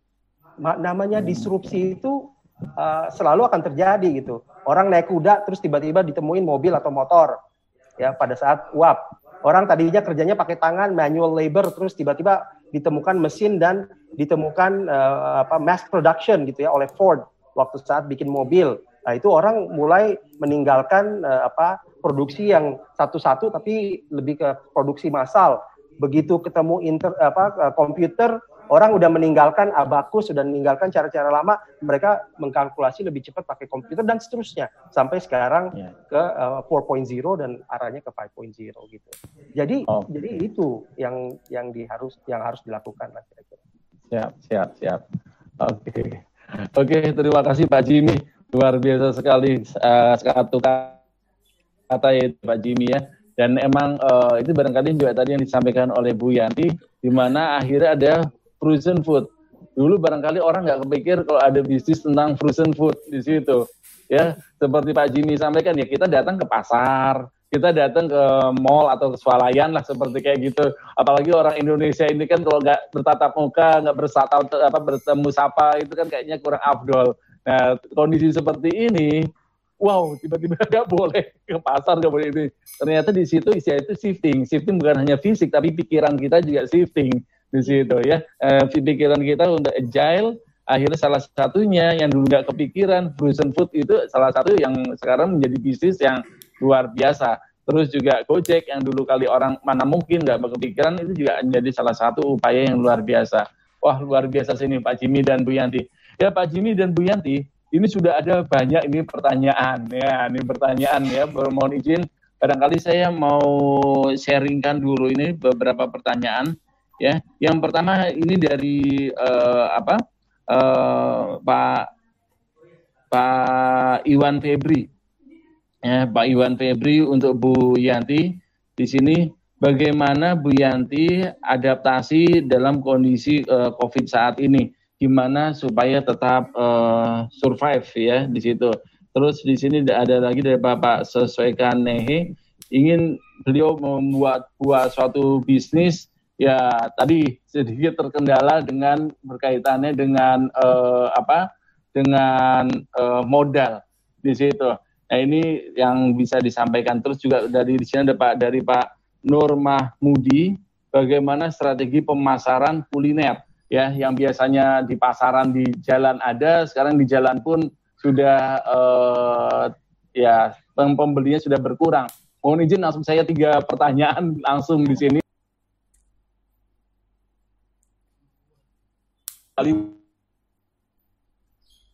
Bu Yanti bisa uh, memberikan elaborasi kepada Bu Yanti. Selanjutnya nanti kepada Pak Jimmy, itu juga dengan Pak dari Pak Iwan Febri, bagaimana memperkuat kembali dinamika bisnis di saat COVID-19. Dan satu lagi juga untuk Pak Jimmy, mohon izin Pak Jimmy, ini dari Prof. Dr.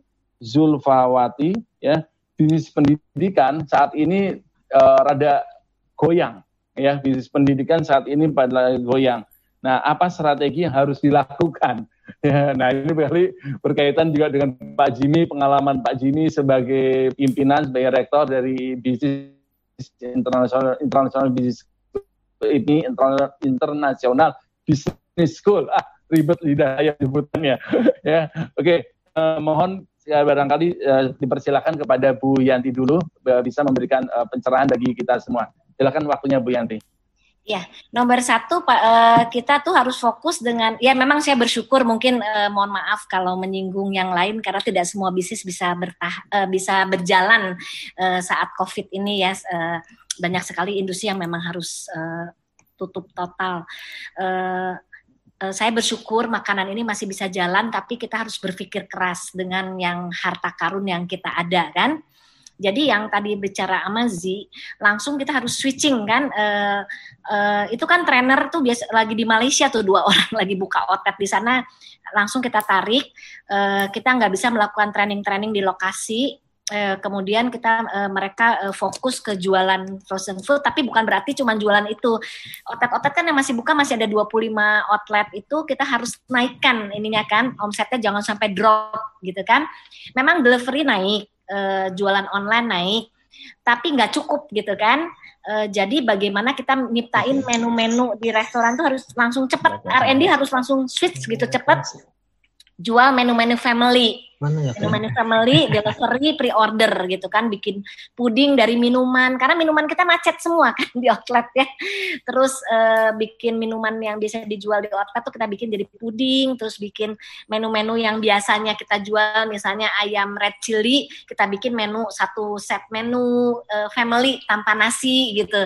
Jadi eh, kita sebut eh, paket hantaran. Jadi kita launching itu segera kita eh, agar semua outlet bisa jalankan walaupun ya itu em, eh, apa kita belum bisa entertain mereka dengan baik ya kita juga.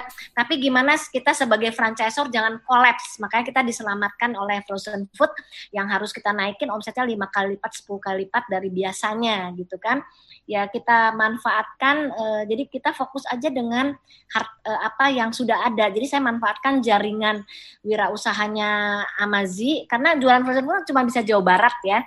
Jadi uh, franchisee Amazi yang jualan ditambah kita kan karena punya pelatihan wirausaha Make Food itu ya ke situ. Jadi kita fokus aja ke orang-orang jaringan-jaringan yang kita punya gitu loh. Enggak eh, enggak kita cari yang enggak ada gitu loh. Eh, makanya di situ banyak orang nggak menjalin hubungan baik dengan yaitu nomor satu modal kita yang nama baik kita selama ini gitu kan. Terus ya alhamdulillah itu menyelamatkan kita. Eh, kemudian jadi kita membuat frozen food yang akan nantinya itu bisa kita duplikasi di otot-otot Amazi dengan bahan baku yang sama gitu kan, tapi dengan metode yang berbeda. Jadi ini dalam waktu singkat kita akan duplikasi di beberapa otot Amazi yang siap gitu kan, eh, nasional. Jadi nanti desentralisasi. Jadi Amazi itu selalu eh, konsepnya desentralisasi seperti itu. Eh, kemudian eh, apa eh, tadi soal agility ya itu mudah menjawab agi- agility. Kemudian tadi me- eh, oh ya soal COVID ya. Jadi COVID ini kan benar-benar nggak main-main ya. Kita yang kita hadapi virus yang tidak terlihat. Jadi kita juga nggak bisa eh, kondisi bekerjanya normal. Nah itu juga saya nggak mudah di awalnya. Jadi ini langsung prosedur kesehatan langsung kita jalankan. Kemudian ruang kerja langsung kita batasin. Caranya gimana? Hmm. Hari Sabtu Minggu saya bikin jadi hari kerja. Jadi ada orang-orang yang off di hari kerja terus sebelum kita mulai apa masker ya waktu itu ya kita udah semua staff kita harus pakai masker karena saya melihat ini kan makanan semua orang kerja harus udah memang sudah biasanya pakai sarung tangan pakai masker tapi pada saat mulai covid semua orang pakai masker agar tidak menular saat bicara dan mulai jaga jarak. Satu ruangan kerja saya batasin tiga orang sampai lima orang tergantung luas ruangannya. Dengan cara kerja shift ada yang ma- memang udah biasa kita kerja shift ya. Tapi dibuat ya semua office juga ada yang masuk Sabtu, masuk Minggu, hari kerja libur eh, agar eh, men- mendistribusikan eh, apa apa jam kerja tidak banyak ketemu orang. Terus orang-orang yang masih punya cuti 2019 suruh habiskan gitu kan. Biar saatnya eh, tiap minggu kita atur jangan terlalu penuh kantornya sampai sekarang itu. Tapi kan alhamdulillah karena Sabtu Minggu itu jadi office hour kita sekarang dagangan kita juga dagang ya. dagang. Termasuk lebaran memang kita waktu itu libur lebaran eh, sesuai rencana awal karena kurang efektif juga supplier tutup semua tutup gitu kan. Jadi cuti bersama kita tetap lanjutkan lebaran, tapi saya hanya eh, bikin bikin liburnya saya coba empat hari aja, yang lainnya ada piket, ada orang-orang yang tertentu yang di garda depan tetap menerima order, tetap produksi, tapi waktu itu akhirnya nggak butuh produksi banyak, hanya beberapa tempat aja, dan itu hasilnya luar biasa, terutama McFood yang jualan food seasoning itu ya, itu ternyata ya menjadi bahan bakar kita, karena McFood juga kan kliennya UKM mikro termasuk yang ada di mall, yang di mall kan tutup semua ya, eh, kayak apa jaringan restoran yang di mall terus eh, ada macam-macam lah ada jaringan minuman di mall itu kan tutup semua. Nah eh, kita buka digital itu kita buka eh, McFood itu tetap kerja cuman libur empat hari di hari lebaran aja. Nah itu juga eh, ternyata kan menjadi bakar kita pada saat libur lebaran masuk lagi tuh langsung naikin lagi omsetnya gitu kan. Jadi dropnya nggak boleh lama-lama lah. Karena McFood sangat terpengaruh waktu dolar 17 ribu ya, gitu kan. Tapi dolarnya untungnya udah alhamdulillah udah 14 ribu lagi ya. Mudah-mudahan udah menjawab ya pertanyaan tadi Sudah, ya. sudah. Alhamdulillah. Ya, eh, pertama kalau saya catat di sini adalah paket ya, eh, membuat terobosan eh, paket harian. Terus yang yang penting adalah uh, fokus pada harta yang sudah ada. Maksudnya yeah. potensi, kekuatan, jaringan, network, fokus pada yang sudah ada saja di situ. Ya, ya jangan nyari yang nggak ada, malah nanti kita pusing. Betul, jangan coba-coba sesuatu yang masih apa baru, ntar malah takutnya kejerembab lah atau salah di situ ya. Ya, jadi, jadi fokus hasilnya kan cepet harus bayar THR alhamdulillah THR tepat waktu eh, ya bisa gajian full juga staff ya kan? Iya betul betul. Subhanallah subhanallah. Ya dan terakhir ibu juga membuat eh, masuk ranah ya, digital juga nah, di situ. ya terutama untuk ngambil peluang-peluang eh, yang bisa diambil luar biasa eh, amazing sekali berkah itu untuk Bu Yanti Nah, selanjutnya monggo Pak Jimmy, uh, tadi ada beberapa pertanyaan barangkali bisa di uh, kami bisa diberikan pencerahan. Silakan Pak. Terima kasih Pak Ervin. Uh, memang masa-masa seperti ini nih masa-masa uh, kita harus melakukan deep thinking. Uh, pikiran yang mendalam karena nggak bisa business as usual. Kalau cara-cara kita masih sama dengan cara-cara yang lalu, kita akan dilibas oleh keadaan. Nah, uh, tadi ada pertanyaan mengenai gimana nih bisnis apa marketingnya untuk disesuaikan. Ya, kita harus berpikir kira-kira bagaimana model bisnis kita ini kita sesuaikan supaya kita bisa bertahan atau bahkan bisa lebih lebih baik lagi. Salah satunya dengan memasukkan unsur digital.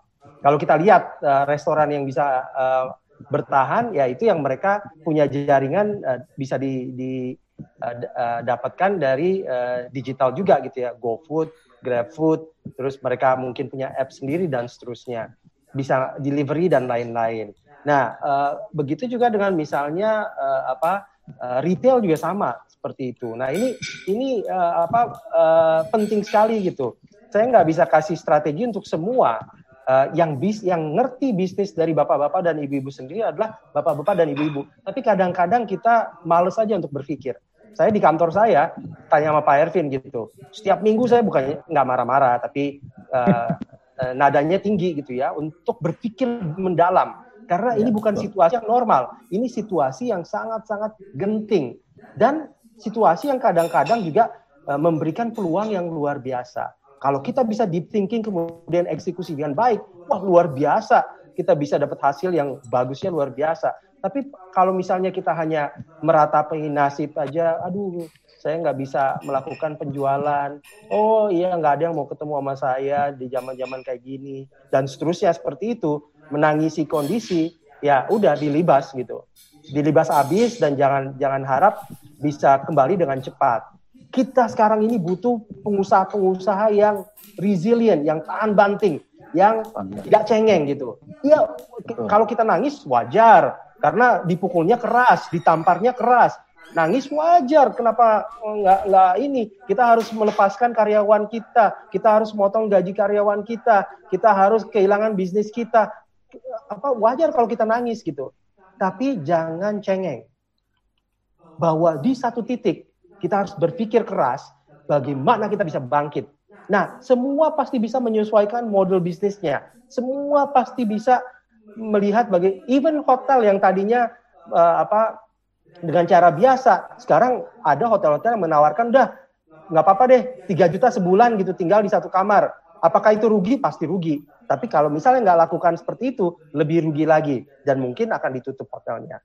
Oke itu yang pertama. Begitu juga dengan education. Tadi ada profesor doktor uh, ini ya yang yang nanya uh, sama uh, apa uh, dos, dosen di Harvard Business saya bukan di Harvard Business School dulu di Harvard Kennedy School of Government, tapi uh, ngambil kelas juga di Harvard uh, apa Business School. Uh, apa uh, Clay Christensen adalah salah satu dosen favorit gitu ya. Uh, nah, uh, beliau menyampaikan gitu kan dia yang menemukan uh, term uh, disruptive innovation. Nah, salah satu yang beliau sampaikan adalah uh, bisnis pendidikan ini akan obsolete nanti. Dan orang-orang uh, apa uh, bisnis bisnis school terus sekolah-sekolah ini akan bertumbangan gitu. Itu kira-kira eh, uh, 10 tahun lalu mungkin ya. Dia bilang setengah daripada sekolah itu akan uh, mati gitu. Dan kita ngelihat banyak yang bertumbangan. Karena uh, apa tadi tidak uh, apa melakukan uh, persiapan untuk bertransformasi kepada hybrid type of education kalau bahasa teknikalnya adalah blended learning uh, blended learning itu adalah pembelajaran yang menyatu padukan menggabungkan antara offline sama online. Nah ini luar biasa ya. Itu udah diomongin udah bertahun-tahun tapi satu semester terakhir ini anak-anak saya eh, yang SMA baru lulus SMA ya, yang dua udah kuliah, mereka kuliahnya di rumah semua gitu. Sekolahnya di rumah semua. Bahkan lulusannya kemarin graduationnya di rumah gitu yang SMA. Karena emang harus kayak gitu, nggak mungkin kita uh, apa uh, melakukannya secara fisik gitu. Saya rasa uh, apa di semua bidang gitu, yang nggak terkecuali Uh, itu Pak Erwin. Oh satu satu hal sebelum kita selesai ya. Jadi mohon maaf kadang-kadang saya berapi-api. Uh, mungkin ada yang tersinggung, tidak ada maksud saya untuk tersinggung. Termasuk yang saat, tadi satu Pak Erwin itu saya rasa penting gitu ya. Saya nggak nggak ada maksud benar-benar uh, apa nggak ada maksud untuk menyinggung siapa pun juga. Uh, saya hanya menggunakan Rasulullah SAW uh, sebagai uh, Rasul uh, uh, orang Islam gitu ya uh, bahwa uh, menceritakan uh, case beliau di mana beliau uh, apa menikah dengan janda. Jadi sama sekali uh, apa tidak ada maksud untuk menyinggung, bukan untuk dibuat uh, main-mainan. Uh, apa ini ini serius betul-betul. Jadi uh, mohon tidak ada yang uh, apa merasa tersinggung maupun merasa uh, apa uh, saya out of line karena uh, memang uh, saya menggunakan itu uh, sebagai satu contoh uh, apa nyata gitu ya yang uh, bukan untuk di diperdebatkan, bukan untuk dipermain-mainkan, bukan untuk dipermalukan, tapi itu betul-betul memang kisah beliau gitu. Terima kasih. Oke, terima kasih Pak Jimmy. Ya, kita juga tahu insya Allah niat baik Pak Jimmy juga tidak lahirnya tidak ke sana. Ya, semua punya niatnya baiknya, semua uh, semua bisa melihat dari niat baiknya itu pasti dari hati nurani yang terdalam di situ. Pak Jimmy dan Bu Yanti, ini waktu kita sudah jam 11.34. Uh, masih ada satu pertanyaan, apakah barangkali boleh dilanjutkan saat kurang lebih lima menit deh, lima menit. Tapi sebelumnya saya uh, atas nama dari Orbitin uh, turut prihatin ya di sini atas rekan kita Pak Iwan Ramadan. Ya kalau kami membaca dalam chatnya di sini, beliau keluarga lagi apa terkena uh, COVID ya di situ. Semoga Allah uh, Tuhan yang maha besar yang maha esa segera